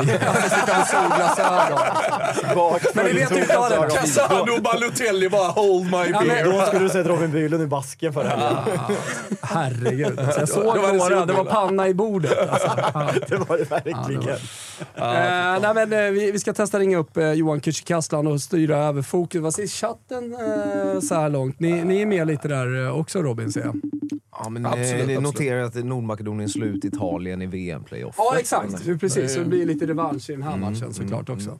Eh, det, det, men framförallt, eh, jag, jag såg det för att när jag läste Gazetten att eh, en italiensk förbundskapten har inte vunnit sedan Dino Soff hade det italienska landslaget i premiären, alltså första matchen. Ah. Så att det, det gör mig såklart i, i, det- i, ja, exakt, i ett land som gillar skaramansia, vidskeplighet, statistik, allting sånt där och gör en poäng av det så är det klart någonting som liksom blåses upp lite grann. Exakt. Testa, vi, Eh, vi sa 12 Kalle så vi får testa om 10 Ja, minuter. vi får testa om 10 minuter. Ja, Ja. men vi kan väl gå över och börja diskutera den stekheta matchen som väntar i Tallinn. alltså, vad- hur ser ni på bara matchen generellt sett? Sådär? uh? Den ska bara vinnas känner Den ska ju jag. verkligen bara vinnas, men det hade ju också varit väldigt skönt att man känner att vi gör det med eftertryck. Att spelarna kommer till sig, att uh, Isak verkligen leder den där jävla anfallslinjen. Att Kulusevski, som nu ser ut att tryckas ut på den där högerkanten, verkligen tar för sig där och, och styr och ställer lite. Och så piskar vi in bollar till Gyökeres. Så, Alltså att, ja, vi får se. Men det är ju, da, det är ju dags en, alltså så här, jag, jag håller med om att det är Jannes uppdrag att få ut maximalt av våra bästa spelare men samtidigt måste man ju även kunna lägga, ställa lite krav på en, en som Dejan och kanske framförallt 100%. Alexander Isak för de har inte levererat. Alexander Isak har väl inte gjort mål i landslaget på, på två, Två år. år. Så de måste verkligen steppa upp på ett individuellt plan. För även om du spelar 4-4-2 eller 4-3-3 eller 4-2-3-1 så ska du som individuell spelare när du spelar i Newcastle kunna dominera sådana här matcher som vissa när, som Sverige har spelat. Så framsteg där och um, Kajust och Samuel Gustafsson. Samuel Gustafsson centralt. Du spelar ju offensivt med Kensem och, eh, nej just det, Emil Holm eh, ska inte spela. Det var där Nej. fotbollskanalen gick bet Linus och min broder Linus Wahlqvist Egnell startar. Precis. Men, eh, men det är ju central, alltså det är mittfältet. Visst nu, nu laborerar vi väl lite och det är lite offensiva så här, men det är ju inte alltså det är internationellt gångbart. Alltså Samuel Gustafsson och Jens Kajus, det är ju inte där än. Vi Nej. måste, det är ju där vi har Problemet är ju inte bara liksom, nu. Jannes landslagsuttagningar, hans matchcoachning, utan liksom ett av de stora problemen som vi har är ju att det, det, det, det, det finns inga andra spelare. Nej, och det är återigen då... Sen går det ju att få in en Noah Persson, det går att göra någonting med någonting. Ja, och där tycker jag, jag tror också debatten där ute handlar mer om typ signalvärdet kanske i att kalla tillbaka Martin Olsson till att sitta på bänken eller att då istället ta in ett eh, yngre, mer spännande alternativ. Men att någon annan svensk fotbollsspelare ska ge oss ett bättre resultat mot Österrike på tisdag än de spelarna som är i truppen. Men det- men- Svårt att se. Men det där är också så intressant. Ja, Det kan ha varit ni som pratade om det med Noah. Att folk pratar om, ah, men om vi spelar Hugo Larsson, om vi spelar Jens Kajust och sen var det väl Yasin Ayari om, om tre års tid. Då har vi ett riktigt bra. Mm, sen kollar du som du sa, det åldersspannet. Du kollar på England, du Ja, men kollar, det var jag- du kollar på Det var jag, Noah sa ju det och då har vi ett riktigt bra svenskt mittfält det kan bli intressant. Ändå- Gustav ändå på, då, sa, då sa jag så här, ja, om, du, om du jämför det mittfältet med eh, liksom andra nationer, känns det fortfarande De, lika de, bra är, i magen? de är lika gamla som Gavi och Pedri i Spanien Ja. liksom. Och de är redan världens bästa. Alltså, så det, så det, Ja, vi är pratar Jude långt- Bellingham, Ja. Declan Rice och så vidare. Och jag menar, De- de är så du, långt det efter. går ju inte att jämföra dem eh, med årsbarn heller. Utan det måste, Declan Rice ska ju jämföras kommande tio år med Jens Kajuste. Ja. De är seniorspelare, sen kanske det skiljer några år, men det är fortfarande seniorspelare. Och där Noah sa, det är så många om också. Om Kajus slår igenom i Napoli, om Hugo Larsson slår igenom i Frankfurt. Ayari får om speltid. Ayari ens får spela någon gång. Om Ja men nu, och vi pratar här, så- fortfarande att de kanske slår igenom, visst Napoli med ett undantag, men annars i ett lag som är mittenlag i inte ens riktigt de bästa ligorna. Alltså det är fortfarande inte att de går in i Real Madrid. Alltså vi måste förstå var vi är i. Och det kanske vi aldrig kommer det- fostra på den det- nivån, inte vet jag. I alla fall, eller så här, det kan jag ju säga med den strukturen vi har på eh, elitförberedande utbildning och den kulturen som finns i Sverige så kommer vi aldrig fostra liksom, eh, flertalet sådana spelare. kommer Yasin Ayari. Yasin Ayari och Hugo Larsson startar igår och de gör ju ingen glad mot Nu Nordmakedonien. ringer han in, Ja, Kücükaslan. Fan vad trevligt. Alltid Vi säger redo. varmt välkommen till eh, Toto Live Weekend, eh, Johan Kücükaslan som befinner sig i, i Estland. Så är det. Underbart. Vi sa ju klockan 12. Ni var lite tidiga, men jag Ja. ringde upp er här. Ja, men vi, vi är Jag skyller på. Jalkemo. Ja, jag skyller på Jalkemo. Det gör vi alltid. Det gör de alltid, ja, Johan. Eh, Härligt Precis. att se dig och eh, nej, men beskriv bara senaste tiden i, i Estland. Vad tycker du om eh, Tallinn och, och landet? Eh, nej, men, eh, nej, men trevlig stad. Jag har inte varit här eh, tidigare. Tog du båten? Nej, jag gjorde faktiskt inte det. Vi flög via Helsingfors. Det var skitsvårt att få tag på flyg. Det är många svenska supportrar ändå. Eh, nere på stan och sådär. Så att eh, alla direktflighter var typ uppbokade. Och då bokade jag ändå för en månad sedan. Så att vi, vi körde mellanlandning i Helsingfors. Är- Men det gick bra ändå. Blir du stannad på stan av de svenska supportrarna?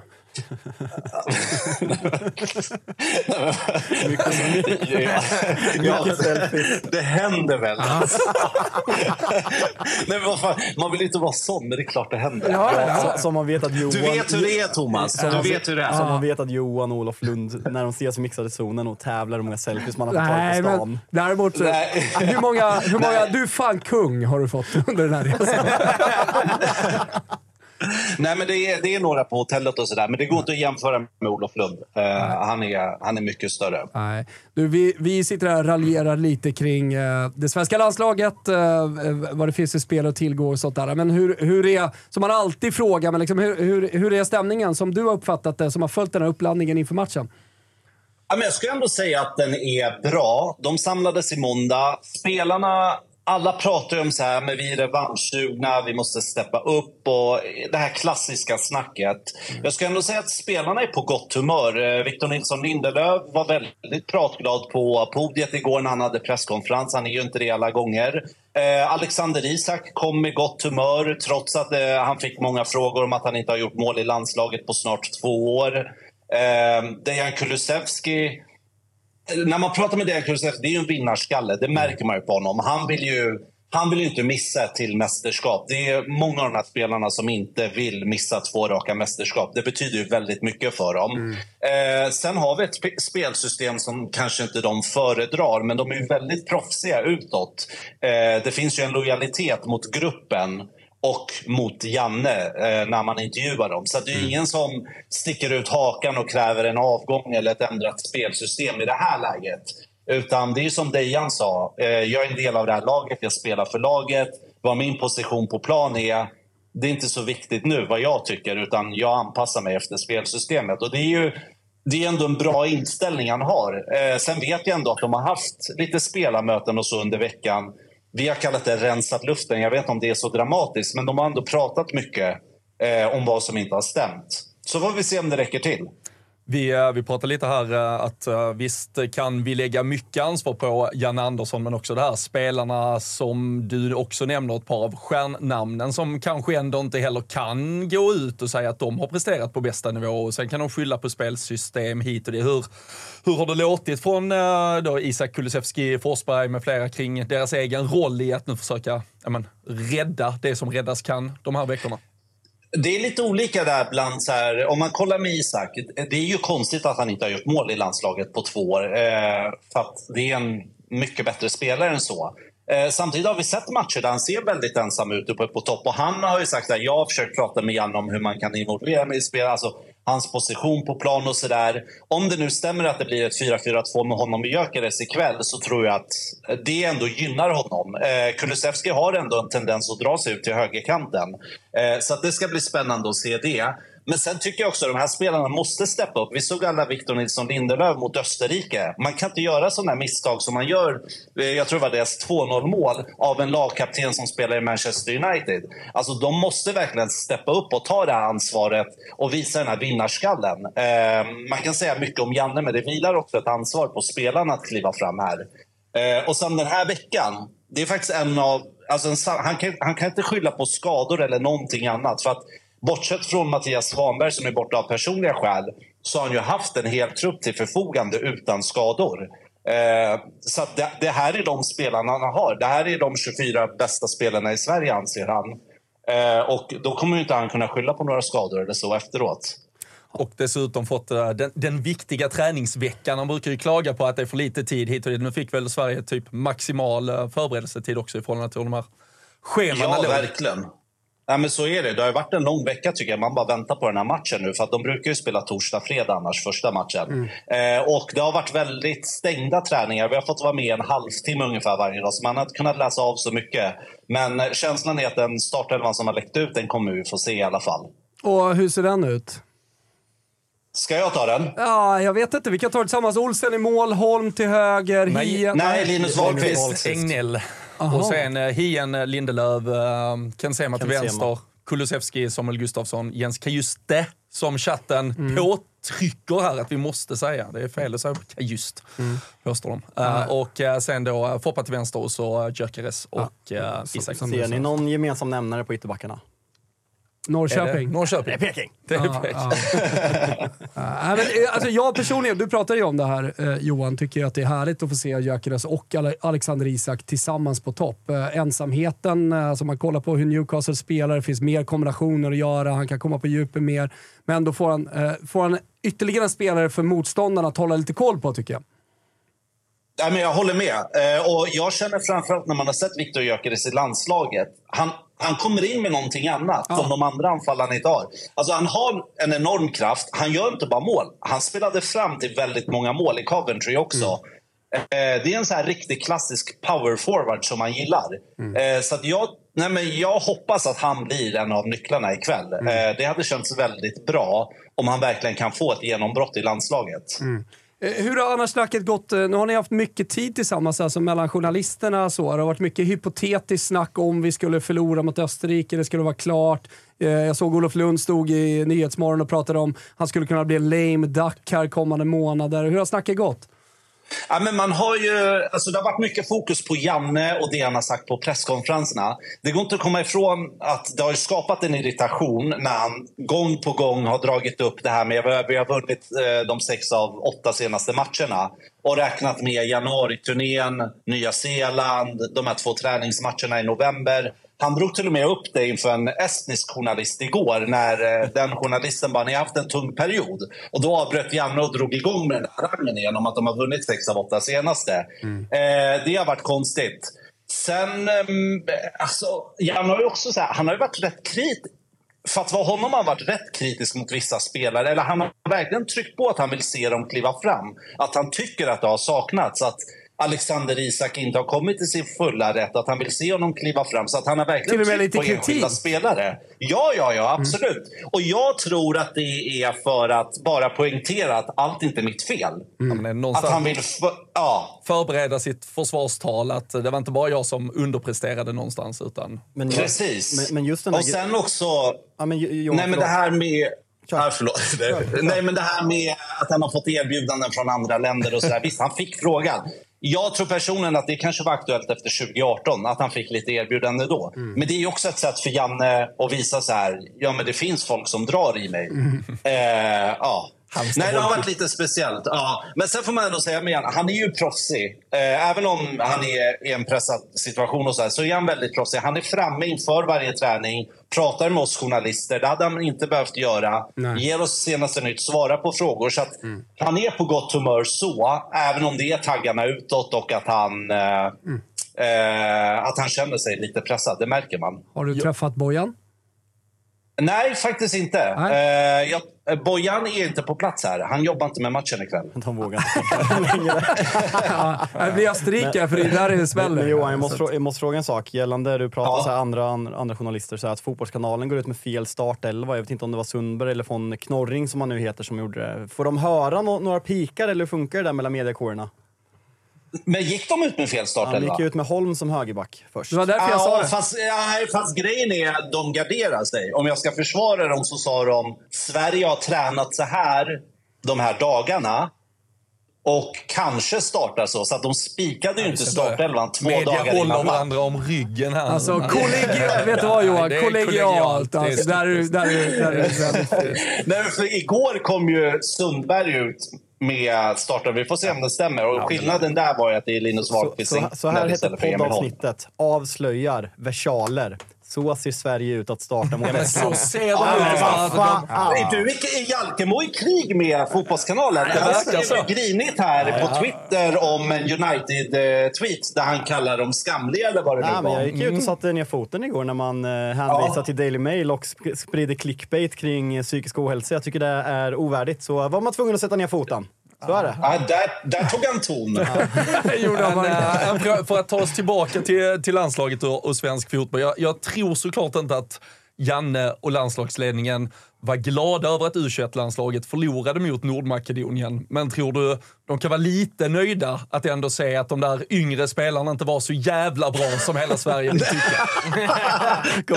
Nej, det är fan en överanalys tror jag. Alltså att vi läser... Nej, nej, nej, jag tror inte Ja, det. men Noah Persson skulle ju in i landslaget. Han startar inte ens Nej, Jag tänkte skriva till Noah Bachner, hur gick det för Noah Persson igår?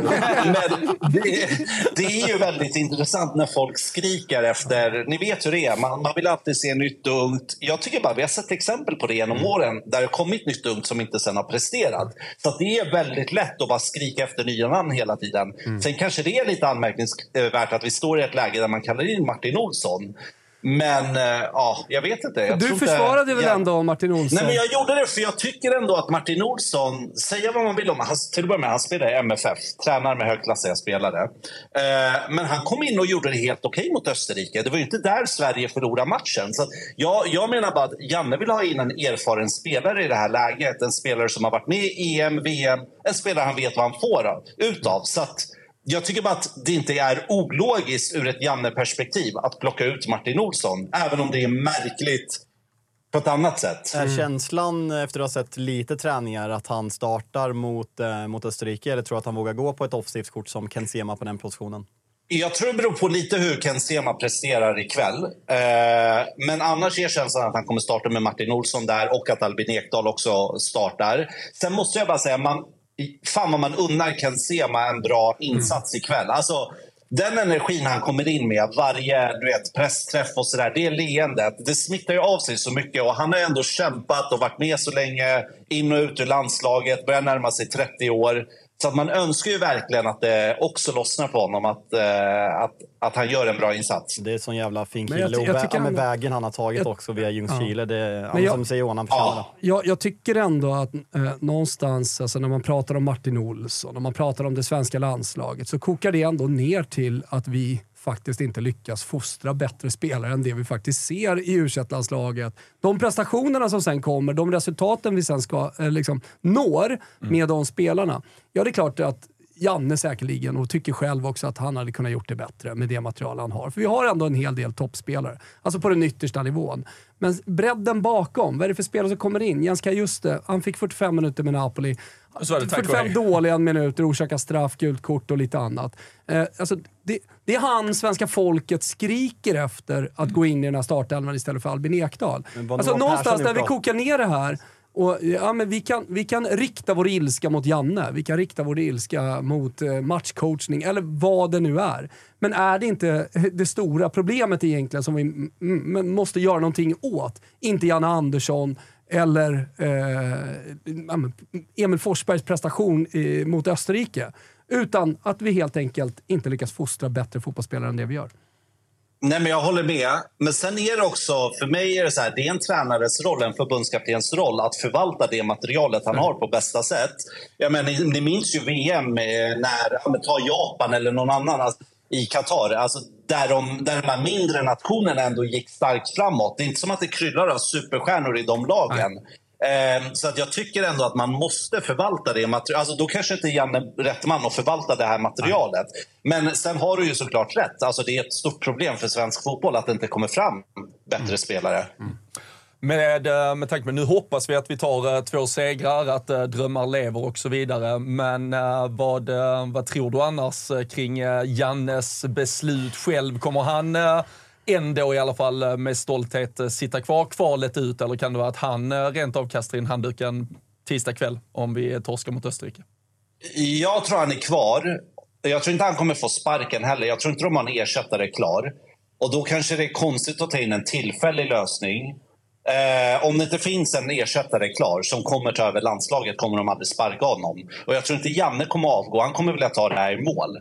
Om man känner honom Han, rätt. han är extremt Eh, principfast sådär. Sen är det en ekonomisk fråga. Ja. Alltså, avgår han, han går miste om alltså, det är miljonbelopp. det kommer det- jag, jag precis. Nej. nu, har jag inte lekt med men det finns, ja, är det till och med så att även om vi skulle förlora, att sen om sjuka resultat inträffar i slutet så skulle vi mirakulöst kunna ta oss dit. Typ om vi slår Belgien och eh, Österrike förlorar allt i Det slutet. beror på. Alltså, Belgien möter ju Azerbajdzjan här innan. Eh, om de förlorar den matchen så är det inte helt kört för Sverige. Håller vi hoppet i Azerbajdzjan? Nej, men- nej men vadå? Hallå, det är bortamatch det där Ja, i Baku. ja, Vi det är sitter så. och garvar här. Det luktar 0-0 om den. Alltså Luxemburg har ju häng på EM-plats eh, i sin Ja. grupp nu. Ja, ja, finnarna är ju typ klara Ja, men och fan, Skottland är klara. Är det Varenda någonting man har lärt klar. sig, eh, helt ärligt, någonting man har lärt sig de senaste tio åren. Det var någon gång när Sverige vann knappt borta mot Luxemburg. Jag försökte förklara liksom att varför ska jag försöka förklara? Men om man kollar på europeisk fotboll och även landslagsfotboll så, så har de här mindre nationerna blivit mycket bättre på att hitta en spelmodell, en taktik som gör att man inte förlorar med 10-0 varje match. Det är ju fan till och med liksom eh, San Marino kan göra matcher om bara förlorar med 3-0 mot bra, bra nationer. Så att eh, det, det, det är en, en, en bortamatch mot Azerbajdzjan kan definitivt sluta med kryss. Jag menar Österrike inledningsvis i det här kvalet hade det ju tufft. Han vinner Ja, ja, i ja, 88 verkligen. mot Estland Eh, eller vad fan. Exakt, och det, det, det, då kände man ju ändå så här, vad skönt, nu är Österrike på väg att tappa det. Fan, nu nu storm, stormar, stormar vi mot Tyskland. Sådär. eh, men eh, bra, hur ser dagen ut? Det är faktiskt rätt eller det är skönt att det är en tidig match. Så Mm. vi, eh, vi drar nog till arenan vid så här 17.30. Eh, nu tänkte jag dra ner på stan. Får se om jag springer på några svenska supportrar. Ta lite selfies. Ta lite bilder. Eh, Jävla kung! nej, men, exakt. Nej, men gå och käka lunch. Nej, men, eh, tid. nej, men tiden, tiden går rätt fort. Eh, men nej, det ska bli kul. Sen vågar man inte... Alltså, jag, jag har haft en god känsla inför andra matcher så, här, så att jag vågar inte tänka och tro Nej, någonting nej. om hur det kommer sluta ikväll. Nej, men det är bra. Eh, Men det kan sluta hur som helst. Men Johan, innan vi lämnar dig, har du pratat med Emil Forsberg om uttalet han stod för i Ja. eh, Hunden, katten, glassen eller? Eh, det sjuka är att han uttalade det skitbra sen. Han, ja, han, måste ha, bara- han måste ha fått något hjärnsläpp bara inte orkat. Han, han var lite ångerfull, men det är lugnt. Vi förlåter Foppa. Ja, vi förlåter Foppa. bra. Underbart. Lycka till med sändningar och allting sånt där Johan. Så hörs vi Tack. framåt. Vi hörs Johan. Yes, ha det bra. Ciao. Hej. Hiring for your small business? If you're not looking for professionals on LinkedIn, you're looking in the wrong place. That's like looking for your car keys in a fish tank. LinkedIn helps you hire professionals you can't find anywhere else, even those who aren't actively searching for a new job but might be open to the perfect role. In a given month, over 70% of LinkedIn users don't even visit other leading job sites. So start looking in the right place. With LinkedIn, you can hire professionals like a professional. Post your free job on linkedin.com/people slash people today. Burrow is a furniture company known for timeless design and thoughtful construction and free shipping, and that extends to their outdoor collection. Their outdoor furniture is built to withstand the elements, featuring rust-proof stainless steel hardware, weather-ready teak, and quick-dry foam cushions.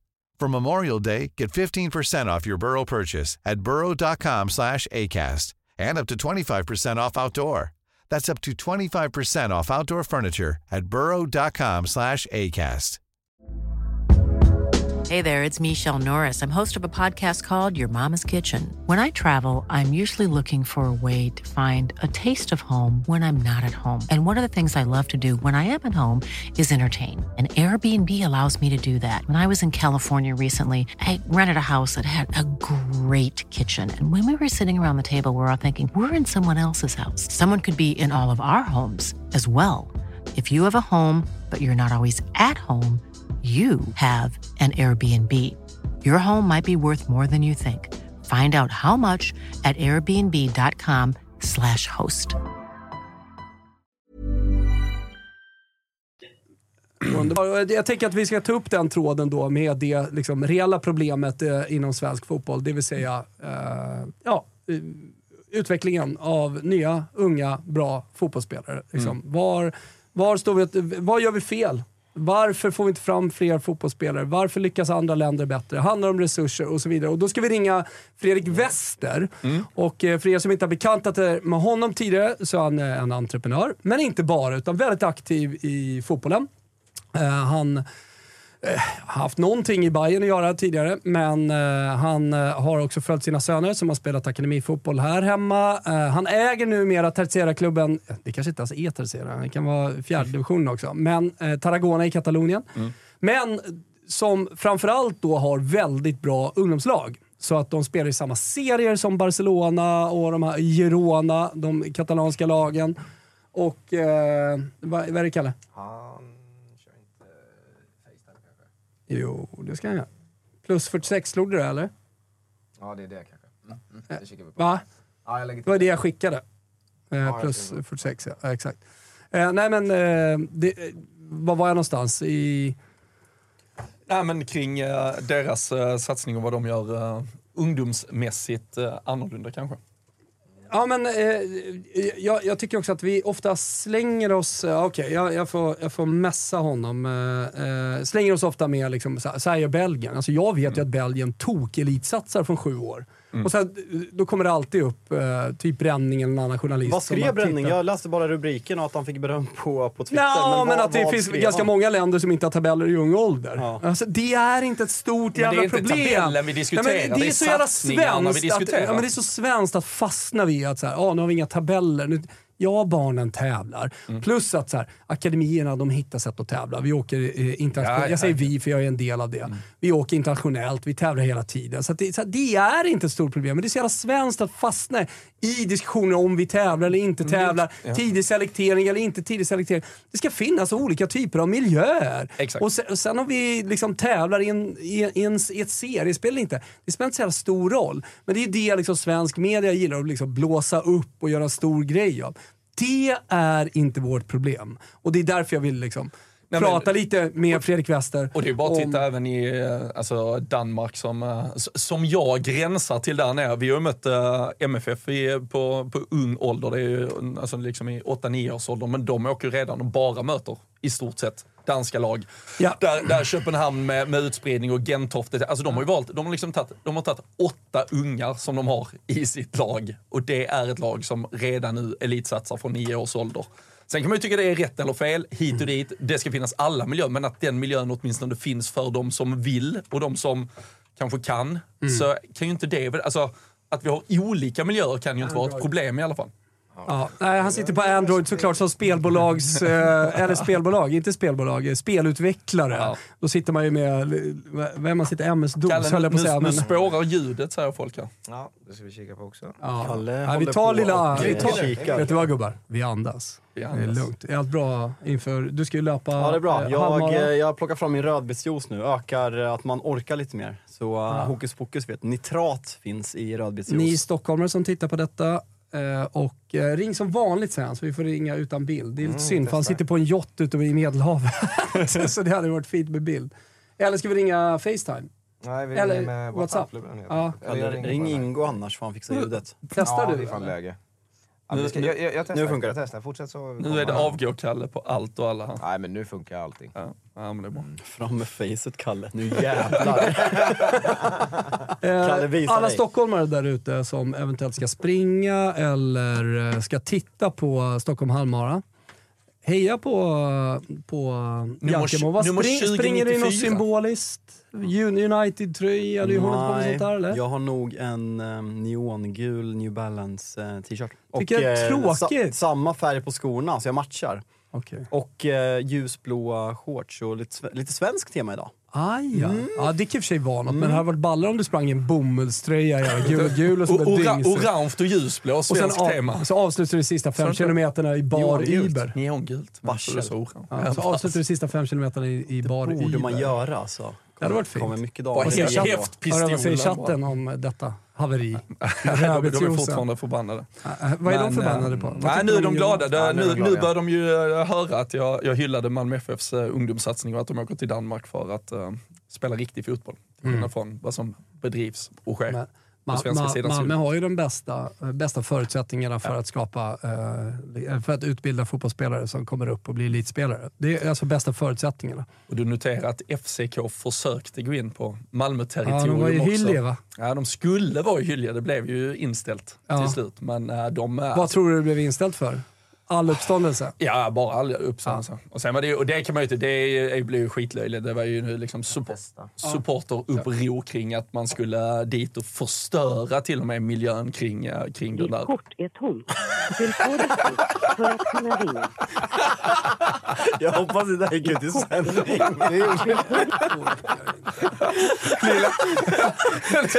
Slut, slut på kontantkortet här vi. lilla, lilla fiba- finansproblematiken på K26. Herregud. Vi gör så här. då. Tuttovagnen ringde upp alla pengar.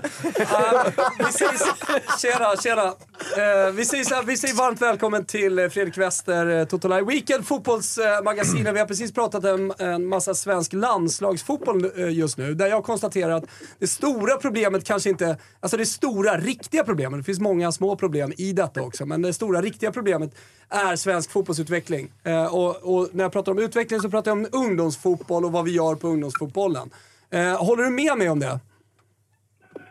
Ja, det måste jag ju säga. Vi har ju pratat om det här flera gånger förut, så att, eh, det är ingenting som är något nytt. Och jag ber om ursäkt om det är lite dåligt ljud. Jag sitter på en båt mitt i Medelhavet här, så det är därför det kan vara lite risigt. Sådär. Vad gör du på båten bara kort?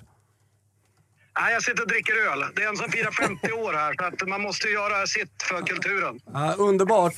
Du, lite bakgrund på dig. Jag, jag har presenterat det här innan vi ringde upp, eh, men du får gärna berätta själv. Liksom, eh, förutom eh, di, dina företag, att du är en entreprenör, väldigt lyckad sådan. Hur ser din bakgrund ut vad det gäller fotboll? Fotbollen? Nej, men jag sa så här. Jag spelade ju från att jag var eh, fem år egentligen till jag var 19. Men det var ju brist på både talang och träningsvilja. Så det satte ju lite stopp för en längre karriär på fotbollen kan man väl säga. Så att, men intresset har ju funnits med eh, hela vägen. Och jag har ju spelat football manager i så säga, 25 åren. Sen det hette Championship Manager som alla lyssnare säkert vet. De som är insatta. Och, och det är klart att det vill man ju leva på riktigt också. Och eh, i och med att svensk fotboll inte tillåter att man går in som ägare. Och när jag flyttade till Spanien för fem år sedan så började jag leta en fotbollsklubb. Och, fastnat för klassiska Nastic de Tarragona då, där jag köpte in mig för två och ett halvt år sedan. Så att, eh, kul resa. Och eh, Tarragona spelar i division. Vi spelar tredje divisionen, det som kallas för Primera RFF, eller gamla Segunda B för folk som hänger med i spansk fotboll. Och man kan väl säga att vårt lag kanske håller en låg allsvensk klass eller hög superettan-klass någonstans där. Kan man väl Eh, För, för att bara gå tillbaka, en fråga gällande, vi var inne på det här, Castilla kvalade upp till sekund. Det är alltså samma division som Castillan för att få lite grepp på divisionen. Vad sa du, samma division som? Castilla, Real spellag.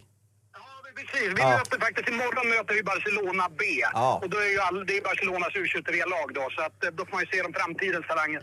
Och för att eh, koka ner det här lite också till ungdomsfotboll som jag vet du har mycket åsikter om och du och jag pratar privat, eh, ni mässar med varandra en hel del. Eh, du, du har också eh, söner som spelar fotboll eh, och eh, vad jag har förstått så Tarragona, de, de möter Barcelona och liksom bra lag i seriesystem och så. Ja, mina grabbar spelar ju, de är 14 och 17 och spelar bägge två på högsta nivå här nere. Och vi möter ju FC Barcelona och Espanyol alla säsonger och det är ju, det är höjdpunkten varje år givetvis, är att åka till La Masia och möta FC Barcelona. Så att, eh, absolut, det gör vi. Och, och det är ju uppenbarligen, FC Barcelona är ju det bästa laget, inte kanske i Katalonien bara, utan kanske även i Europa och i slutändan i världen också. Och eh, bara för att ta den stora frågan, miljonfrågan, men höll jag på att säga, nej det är väl en diskussionsfråga såklart. Men, men om du skulle lista Sveriges eh, stora problem, varför vi inte får fram fler fotbollsspelare, hur, hur skulle en sån lista se ut då? Nej, jag, ska börja, jag ska börja ganska enkelt. Och det, det handlar om metodutveckling och eh, tränarkompetens från låga åldrar uppåt. Vi pratar från sju års ålder och framåt. Alltså vad har tränare för kompetens och vad är det för typer av saker man tränar från att man är sju år och framåt? Tränar man att hantera bollen i fart i stressade situationer eller gör man inte det? Utbildar man intelligenta fotbollsspelare gör man inte det. Och jag skulle säga att vi gör inte det i dagsläget. Om man tittar på truppen som ikväll spelar match för att undvika ett fullständigt naps i fotbollsdel för Sverige har väl en tredjedel av spelarna med bakgrund i BP och det är ingen slump eftersom BP under lång tid förmodligen har haft Sveriges absolut bästa eh, fotbollsverksamhet för ungdomar. Så det, det förvånar mig inte alls. En, eh, en fråga där också Fredrik. Jag vet eh, Noah Bachner bland annat och, och fler som har eh, tittat på jämförelser mellan Sverige och internationellt så har man bland annat pratat träningsmängd också i åldrarna 8 till 12 år. Att vi är väldigt sena på att börja lägga på fler träningstillfällen i Sverige. Hur, hur mycket tränar yngre åldrar nere hos er? Jag, jag skulle säga att det, det är inte så stor skillnad faktiskt. Vi har tränat, våra 14, Eh, 13-åringar tränar fortfarande bara tre gånger i veckan. Sen uppmanas de ju att spela spontanfotboll också. Men det är ganska svårt i Spanien eftersom inga konstgräsplaner är öppna. Så vi börjar inte träna fyra gånger i veckan förrän grabbarna är 14 år gamla. Utan jag skulle säga att träningsmängden kan man absolut öka och det går att göra med styrketräning och snabbhetsträning, sån plyometric och sånt. Men det som är den stora skillnaden är hur man tränar. det är inte hur mycket man tränar utan det är framförallt vad det är man tränar när man väl står på en, en plan. Det Och- en mycket större. Det där, det där tycker jag är intressant. Jag var nere och, och nu är det flickfotboll, eh, men det är samma, samma diskussioner där. Jag var nere med eh, min dotters lag och mötte Roma. Eh, och de hade en jättefin träningsanläggning eh, och jag stod och pratade med deras sportchef om, och min första fråga var hur mycket tränar ni? När- Och, och liksom mycket styrketräning och sådär. Hon sa, klappade mig lite på axeln och sa Thomas, jag var i Barcelona förra veckan. Och eh, jag var där en vecka och kollade på hur de tränar, deras träningsupplägg och så vidare. Det handlar inte om mängden sa hon också. Det handlar om hur de tränar och hur planerade de träningarna är. Nu var det visserligen U, inte pojk och flick, utan på liksom U-nivå. Det är liksom, har de kört underkropp på morgonen, ja men då finns det en planering att man inte har ett lika intensivt fotbollspass eh, senare. Så allting är planerat och styrt och följt av väldigt många personer eh, liksom, runt de här eh, ungdomslagen. Och då kommer man in på resurser och det är någonting som jag tycker saknas, framförallt på U i Sverige. Ja, sen ska jag säga så här. Det finns, när jag följer svensk fotbollsdebatt, jag försöker inte lägga mig i för mycket på Twitter, det blir så tröttsamt. Men det finns två saker där som jag, som jag hela tiden hakar upp mig på. Det ena är konstgräs versus naturgräs. Det är den första frågan. Och därför säger man så här, han är en konstgrässpelare, han, är natur, han kan inte spela i Bayern för han är van med naturgräs. Här. Vi såg alla Lamin Mal. jag satt och såg eh, Spanien-Georgien igår då, som nu naturaliserad spanjor. Då gjorde Lamin Mal, 16 år gammal, sitt premiärmål eh, i ett EM-kval i spanska A-landslaget, som sagt 16 år gammal. Eh, och han har alltså spelat på konstgräs fram till i augusti förra året. Han mötte faktiskt min grabb på La Masia i december 2021, eh, för ett och ett halvt år sedan då lite drygt. Och då vann vi faktiskt med 1-0, fick jag sagt det också. Eh, så Lamine Yamal gick mållös från den matchen, men det gjorde han tydligen inte mot Georgien igår. Det är samma Georgien som Sverige förlorade mot i VM-kvalet på samma arena, är värt att tillägga också. Det är den ena diskussionen. Och den andra diskussionen är det eviga fokuset på hur stora planerna ska vara. Sluta tjafsa stor, liten, niomanna. Skit i det. Ut och spela fotboll och ha roligt. Och sen tränar man rätt istället. Kör sju manna fram till 12 års ålder. Kör 11 manna efter 12 års ålder. Det behöver inte vara svårare än det. Därför att en stor del av din fotbollskompetens hur du flyttar bollen. Kommer att komma på träning. För då kanske du har 1400 touch. Medan på en match kanske du har bollen 50 gånger om det är en riktigt bra match. Mm. Och eh, där tycker jag att eh, svensk fotboll i debatten, men även styrt lite från eh, Svenska fotbollsförbundet, ofta hamnar fel. För att de väljer att prata om till exempel planmat. Eller de väljer att lyfta upp det här nu med att man tar bort serier. Egentligen så gör man ju faktiskt ingenting nu, för vi har ju bara spelat träningsmatcher även om det har varit i en serie tidigare. Så det är egentligen eh, ing- ingen stor skillnad. Men att debatten ofta hamnar där i helt eh, irrelevanta saker. Håller du med mig? Ja, det är 100 procent så. Sen, sen är det så här, jag, jag har följt den här serie eller inte seriedebatten och nu var det någon Aftonbladet-journalist, Brenner tror jag, som Ja. skrev att ja, men 71 procent av alla länder har inga serier och så här. Och vet du vad, det där är ingen kulle som jag tänker dö på och säga att Sverige måste införa ett seriesystem därför det, det är ganska onödig kulle att dö på för mig. Men jag tror absolut att det är bra för alla att tävla. Jag tror att folk tycker det är kul att tävla och sen måste man då fråga sig så här. För Brenner tycker jag blandar ihop två saker i sin artikel.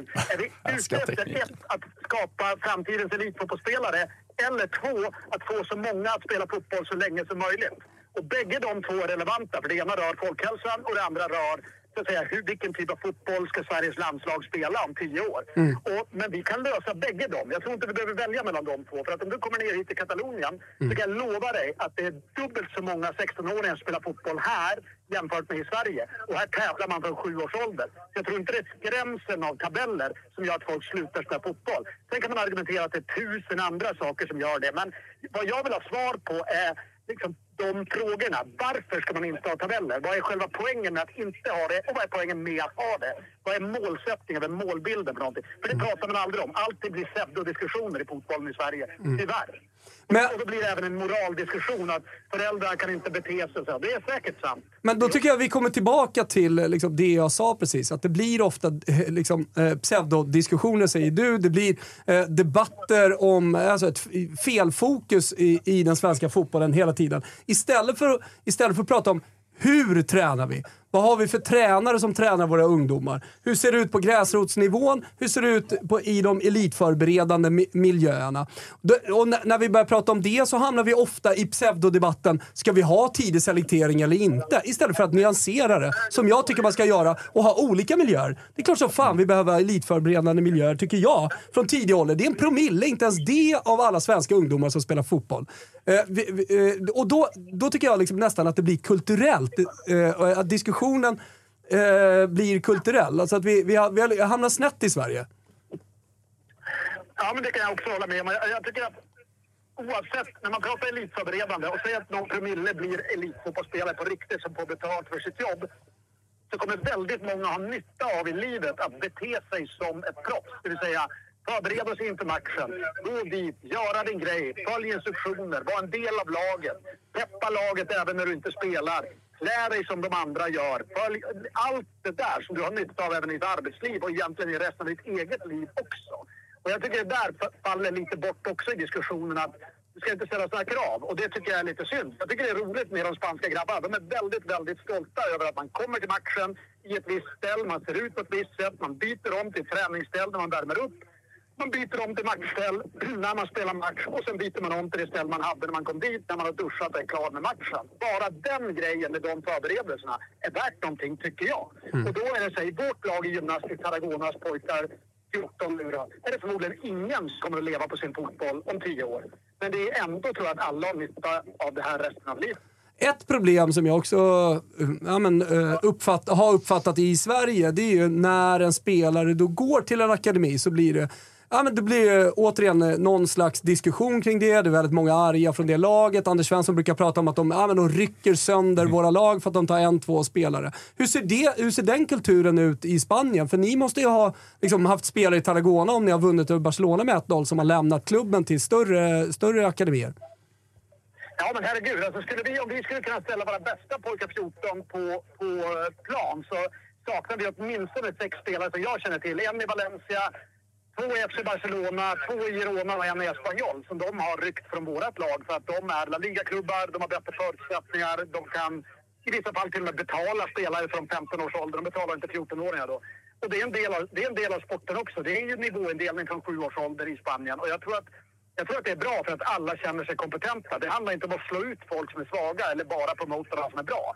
Utan det handlar om att de som är duktiga får en rejäl utmaning. De som inte är lika duktiga får också en utmaning. Men inte en utmaning som gör att de aldrig har bollen, aldrig lyckas med en dribbling och aldrig gör några mål. För där har du saker som får att folk slutar spela fotboll. Vi har även faktiskt en i vårat, en i vårat A-lag idag i Gymnastik Tarragona som förmodligen skulle gå in i nästan vilken annan svensk klubb som helst. Åtminstone på bänken.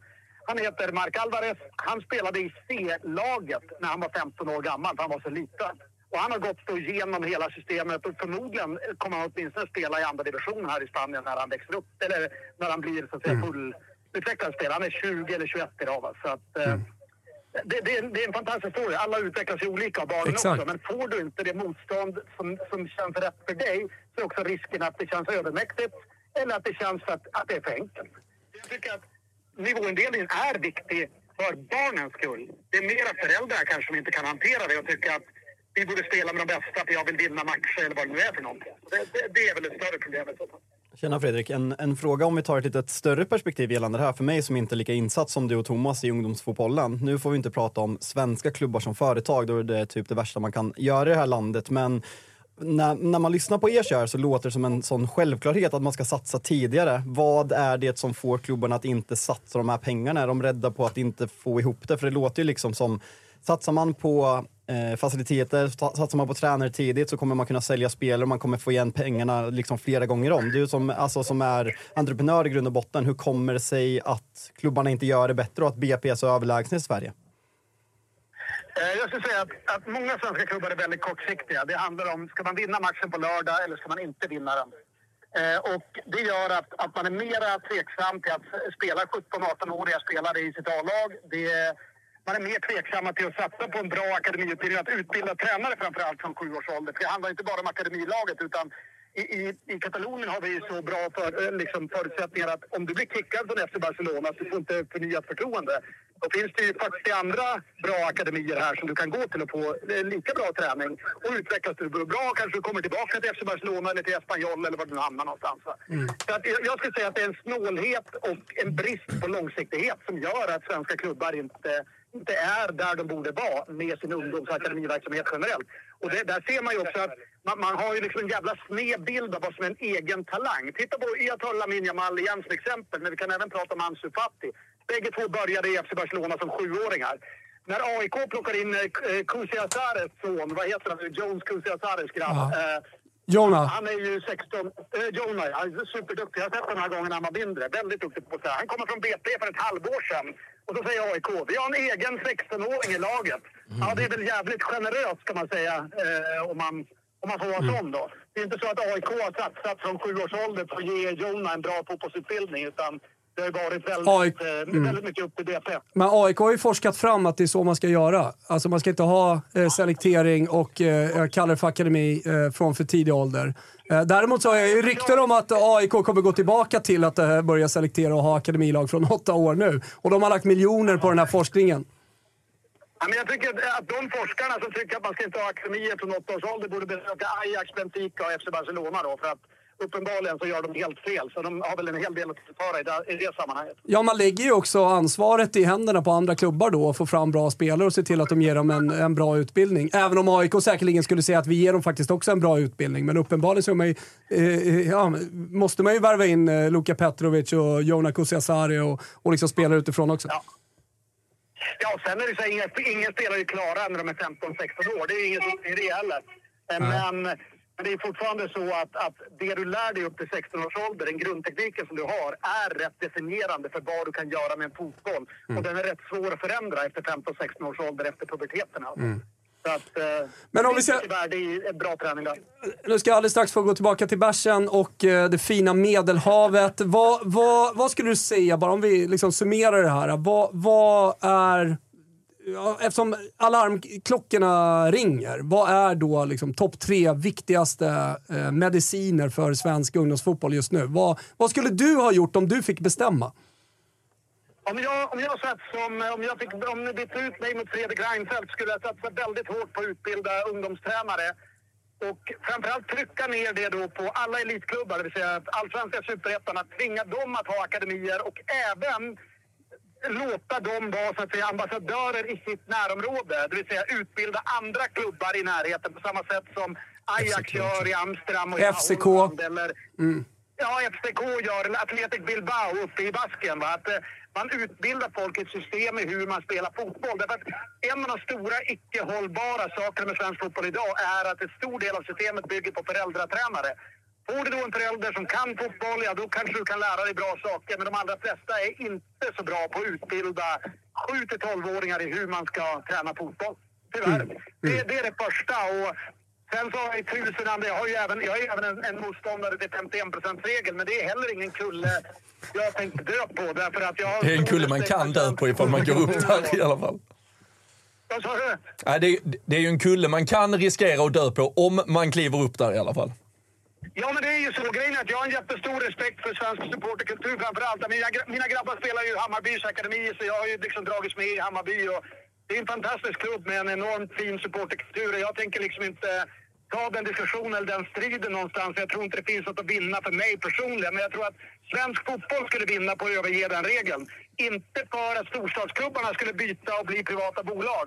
Men för att de små klubbarna helt plötsligt skulle kunna få medel att konkurrera ifall de tilläts bli privata. För det handlar ju inte om att tvinga alla att bli privata. Det handlar om att tillåta folk att bli det. Och tillåta folk att, att starta till exempel privata fotbollsakademier för ungdomar. Det är väl det andra. Eh, och jag vet inte, fick jag ett tredje också? Ja, om du vill. Nej, det vet inte fan om jag har något. De två skulle lösa ganska mycket. För det är en resursfråga delvis, men det är också en fråga om vad är statusen inom fotbollen? Är det kul att vara fotbollstränare?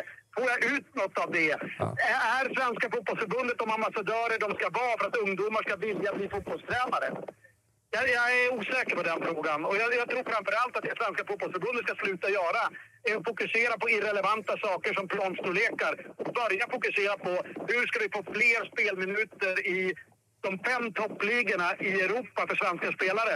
Där både Norge och Danmark är bättre än vad vi är i dagsläget. Och det är fruktansvärt, tycker jag. Ja, men helt underbar röst i den här debatten. Fredrik Wester kommer in som en frisk fläkt tycker jag, en stormvind. Hoppas att det är lite lugnare, att det inte blåser på havet och att du får en fantastisk dag på Medelhavet. Nej, det är lugnt på Medelhavet idag, så vi ska nog klara oss även idag. Ja, men det är underbart. Vi hörs snart. Fredrik. Ha det bra. Ha det gott! Ciao. Eh, tankar? Man, man vet att chatten blir... Det, det, det där Vad säger Ah, chatten? Oh, ja, men Kalle. så fort han nämnde 51%-regeln då, då ska han ju avgå illa kvickt. Vad sa han om 51%-regeln? Åtta utropstecken och frågetecken. Det är tur han är på liksom, alltså, så här, man får ju, alltså, Alla personer man pratar med måste man ju liksom utgå ifrån, så, här, var kommer han ifrån? Och han är en entreprenör ute i fingerspetsarna. Han vill utveckla. Ja, hur får jag in resurser? Hur gör jag det? Alltså, han tänker ju på sitt sätt som entreprenör. Det måste man ha med sig in och liksom acceptera och respektera tycker jag när man, när man pratar med Fredrik. Men det är också bara, det, det är ju fotbollen någonstans tycker jag nästan är unik i det svenska, i den här... Alltså, Han säger alltså, också att han inte kommer dö på den kullen. Nej, men, att nej men också men, hetsen i eh, svensk ungdomsfotboll, just i den här rädslan efter att tävla, efter uh, någon ska bli ledsen, någon ska känna sig utanför. Jag har en son som är nio år och spelar fotboll, jag har en dotter som är sju år och hon håller på med gymnastik. Alltså, där är det fullt rimligt att du delar upp det i vem kan vad, vem kan saker. Du kan inte detta, du får inte vara här, du får vara där, du får prova detta istället, vi ska hjälpa dig. det. Men i fotbollen är det ju helt förbjudet att särskilja på människor i stort sett. Och det är väl ett stort problem att vi inte kan skapa, som han är inne på, alltså miljöer för alla. De som är, vi ska alltid anpassa oss någonstans efter den som är kanske längst bak utvecklingsmässigt i gruppen. Att anpassa alla övningar, all träningsverksamhet så att alla kan vara med. Men det gör ju också att vi har kanske fem, tio stycken i en träningsgrupp som står och stampar och vill göra något annat, måste utmanas mer. Men de resurserna finns inte. Ja, nej men jag, jag, det, det, jag tycker han liksom berör många, många bra frågor just det här med föräldratränare, hur vi utbildar. För det är någonstans där, det som är grunden. Och det är klart att vi kan ha Eh, 22 akademier i Sverige, med våra, eller 22, men säg 30 då, akademier i Sverige med våra elitfotbollsklubbar. Eh, men, men, och de kan göra bra saker. Men det behövs ju bra, som han säger, det finns 40 andra akademier runt om Tarragona där, där man får en bra fotbollsutbildning. Eh, och det måste ju styras någonstans från förbundet. Och där tycker jag man har hamnat snett. Utan det förbundet gör det är att de snärjar in sig i de här symbolfrågorna skulle jag säga.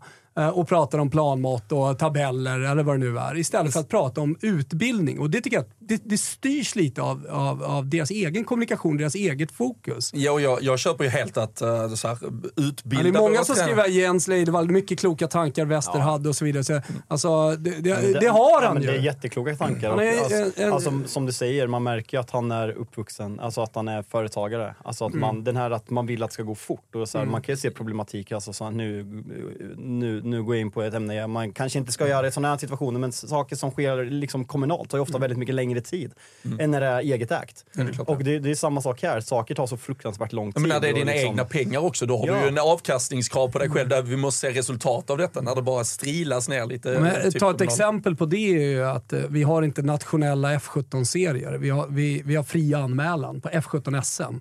Vilket har gjort att vi har liksom 42 olika eh, liksom serier på För där står F17 någon SM. Tjomme ner i någon Jag by tycker och att de säger är bra. vi är ju bäst ja, i världen. Ja, men då står en akademi i Stockholm med 108-1 i målskillnad och Mm. det, är liksom, det blir ingen tävling. Och, och då tänker förbundet, det här måste vi ändra på. Det tar ett år och man ska göra en utredning och man ska göra eh, vad det, fokusgrupp typ. Ja, och så ska ja. man ta in olika och så tar det tid. Det är kostnadseffektivt Ja, framförallt. och när man väl har löst det så, så vi, vi som är då kanske lite entreprenörer inom eh, då ungdomsfotbollen. Vi, vi är ju redan på F15 och undrar hur, vad fan händer där? Vi måste ha lagt, alltså, någon slags regional serie där Men- ju fram att man varandra. hittar sina om så här, egna lösningar. Alltså man, man går ju till egna lösningar i sådana fall eftersom man vill driva på utveckling. Och då blir det ju istället att man har sina egna serier och annat skit. Men det, alltså, det här kanske är en jävligt eh, grundfråga för mig som inte är insatt ännu en gång. Men vad, vad beror det på att, som, ja, som Fredrik säger, här, allt låter så jävla rimligt. Varför tar det sån tid? Varför halkar Sverige efter? Är det för att besluten som Thomas säger att ja, det ska vara en utredning och det sitter fel folk på fel plats? Eller vad, vad fan beror Ja, det men det, är på? väl, alltså det är ju en ekonomisk fråga till stor jag vet, alltså Den där norska jämförelsen är väl att de pumpar väl ner eh, typ 100 miljoner i liksom satsning på ungdomsfotboll, ungdomstränare, medan Sverige tror motsvarande är typ 12 miljoner eller 14 Bättre, miljoner. Bättre förutsättningar med planer och sånt också. Det vittnade jag om när jag var i Hamar där. äh, Där liksom en div- division 4-klubb äh, hade tre gräsplaner, en konstgräsplan och äh, en, en hall också äh, med konstgräs som man kunde spela på under vintern. Ja, alltså det är ett jätteproblem framförallt i storstadsområdena, inte med, eller Stockholm i topp där. Där Fredrik Reinfeldt pratar om att Ja, men det, det är en utmaning vi har i Stockholm att få till bättre... Utmaning! Det är ett megaproblem som måste lösas nu! Politiskt, från förbundet, från politikerna. Vi står, utan, alltså, vi står kort på 27 ishallar. Vi står kort på 108 fotbollsplaner. Alltså, det, det, det är alarmklockor och han står och pratar om, inte problemet, utan det är en utmaning vi har i storstadsområdena som jävla politiker. Jag blir vansinnig på det alltså. Hatlistan. Spela den! Kalle, för fan! Helvete vad trött jag är. Känner jag hur det växer i mig. Det kokar och liksom bubblar. Det frodas i varje cell i mig. Hatet.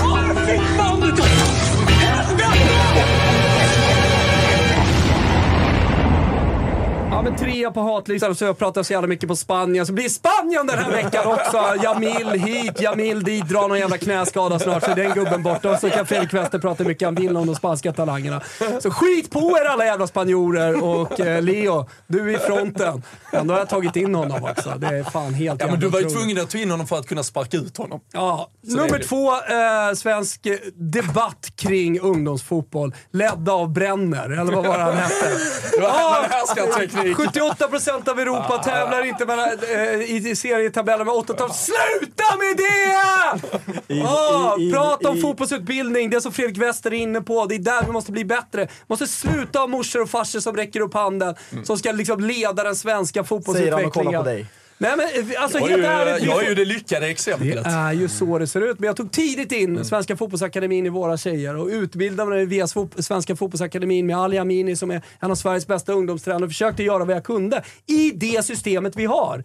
Men jag pissade ju på den jävla C-utbildningen som han hamnade på. Var där i, så skulle vara borta någon helg, någon farsa skulle vara borta någon helg. Hon skulle stå där och prata om ledarskap med ungar och feedback och guided discovery och allt fan och hans moster. Och sen så blir allting bara en stor jävla soppa i föräldrarnas skalle. Och så slutar det med att de bara kör saft och bulle. Jag är så trött på det alltså. Ja, och det är ju det som är problemet faktiskt. För eh, jag är ju med på Fredrik att vi måste satsa på utbildningen. Men problemet är ju hur jävla dålig faktiskt ut. Jag har gått D och jag har gått C. Och C är ju...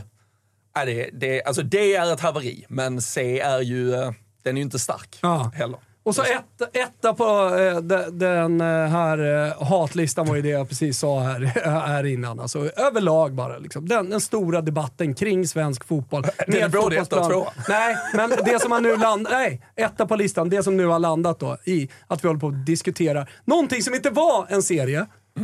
Som nu inte heller är en serie. Och det ska vi skriva krönikor om och diskutera. Och sen kommer Brenner, eller vad heter han? Ja. Nej, men, alltså, hur sjukt är det inte? Att hela alltså- fotbolls-Sverige Alltså jag gör ju narr på Twitter av diskussionen, av debatten. Men folk tror att jag ställer mig på kullen och ska dö för att vi ska ha seriesystem som inte finns!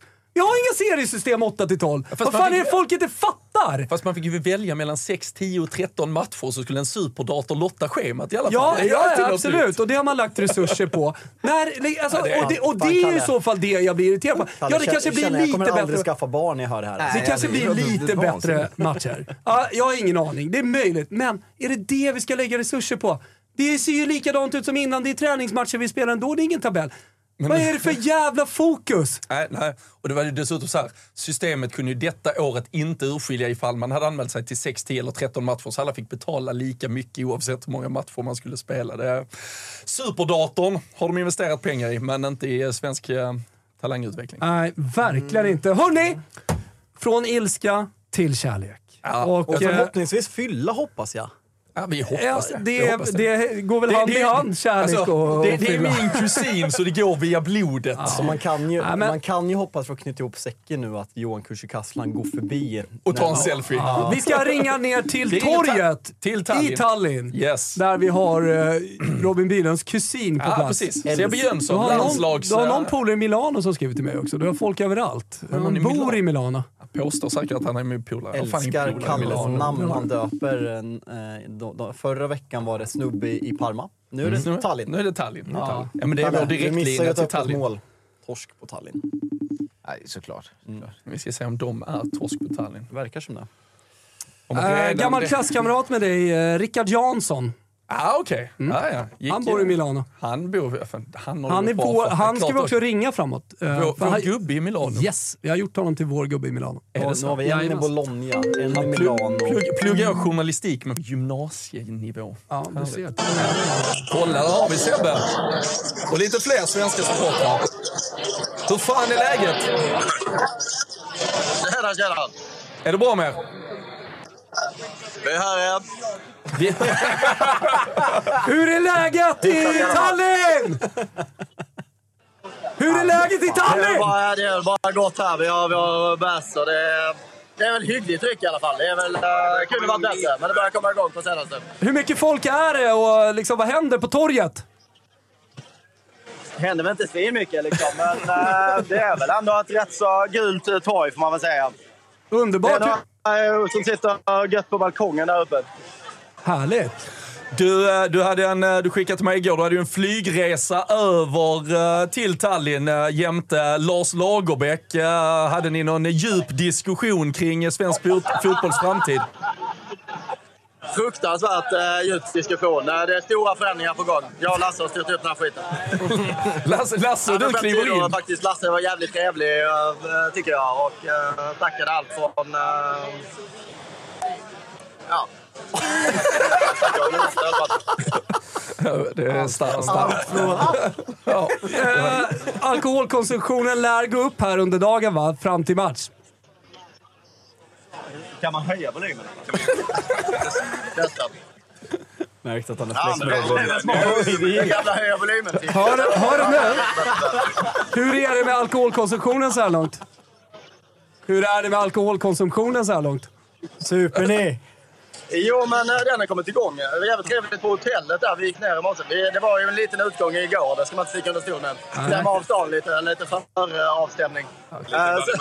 Lite Bloody Mary, ja. Eh, Så vi kommer ju ner till hotellfrukosten och då kommer de “Here's your champagne, sir”. Det var lite oväntat. Eh, Bacon och champagne till eh, breakfast for champions där. Ja, det är klass i Tallinn än så länge. Han blir bra. Jag, jag vet ju hur det kan gå när ni är ute och, och härjar i Europa. Är ni samlad styrka trots första kvällen? Ja, men det får man väl säga. Jag har något samlat styrka tror jag.